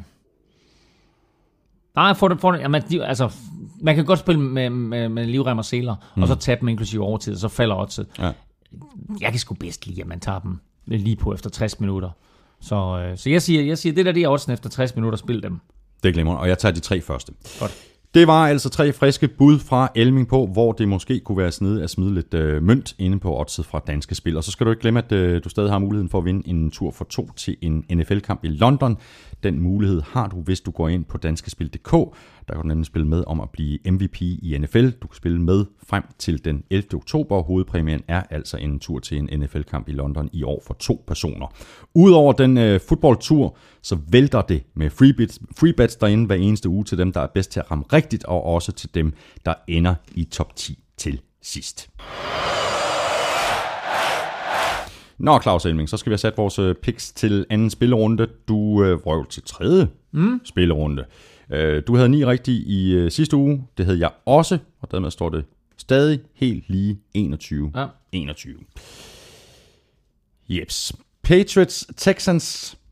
Jeg siger altså Patriots. Så hæng på der, for nu logger jeg nemlig lige ind øh, og øh, på Google Klud og finder mine... Det kan jo tage oceaner af tid, Nej, Claus. fordi vi har simpelthen skiftet server. Nå, okay. Sådan der. Øhm, så nu kører Google Klud for fuld spade. Der er simpelthen turbotryk på derinde. Og nu er jeg inde på, øh, på mine picks. Øhm, og øh, kan øh, se... Hvad sagde du, første kamp var? Patriots, Texans. Ja. Der har jeg Texans. Glimrende. Kan jeg lokke dig til at tale ind i mikrofonen? Det kan du tro. Jeg skal bare lige holde øje med dem samtidig. Bills, Cardinals. Cardinals. Titans, Raiders. Jeg siger Raiders. Ja, jeg ved det godt. Den er svær, ikke? Jo, det er den. Med Titans gode forsvar og Raiders not so gode ja. gode for, forsvar. Øhm, Men jeg tror, de er sure Raiders nu kommer. Jeg tror, de kommer igen.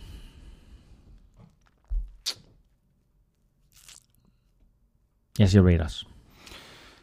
Giants, Redskins. Giants. Giants. Dolphins, Browns. Dolphins. Dolphins. Jaguars, Ravens.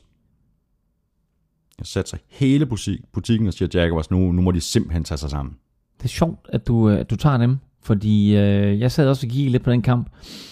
Øhm, Ravens er favorit. Hmm? De må simpelthen steppe op Ja. nu. Jamen, øh, Det er min tanke. Jamen, jeg siger Jaguars. Packers Lions, jeg var så tæt på at sige Lions, Mm. og jeg, jeg har det igen lidt sådan, at det må, de, det må de simpelthen ordne det her. Altså Packers skal ud og overbevise sig selv og deres fans om, at, øh, at det her angreb det er i orden. Så jeg siger Packers. Jeg kan så lige sige, at det odds, jeg sagde lige før med, at der var 3,85 på Lions, det er så stedet til 3,95. Jeps. Øhm, jeg siger Lions. Og så har vi Bengals Broncos. Oh, det bliver en fed kamp. Mm. Jeg siger Bengals. Og det interessante her, det er, at Bengals faktisk er favoritter. Broncos giver altså 2,5 i odds. Øhm,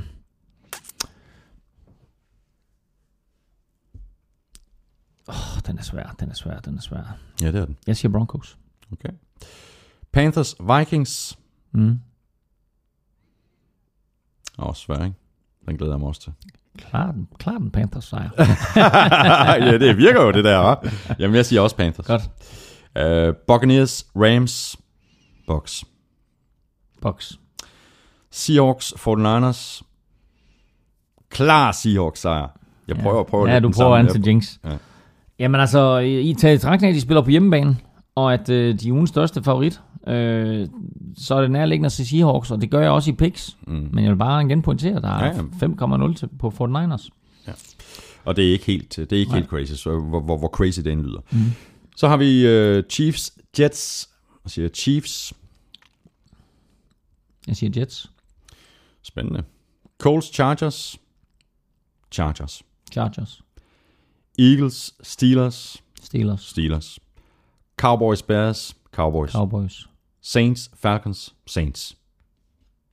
Tager du Saints? Det gør jeg. Nej, jeg tager Falcons. Okay, jamen så er der, der er der spredning på den her, Ja, ja, den her gang. Godt. Jeps, øh, og man kan jo også smutte omkring uh, gulklud.dk, hvor jeg spiller den her udvidede udgave af, af, af det her. Jamen præcis, altså som, som nævnt tidligere i udsendelsen, så øh, er det nu, at vi begynder at spille om de store hovedpræmier, og der er blandt andet rejse på spil fra, fra danske spil, og der er også øh, store præmier på spil fra Philips. Så øh, fra med den her uge, der er der både uge, ugepræmier, og så spiller vi også hen imod den store hovedpræmie, som først bliver afgjort i Super Bowl-ugen.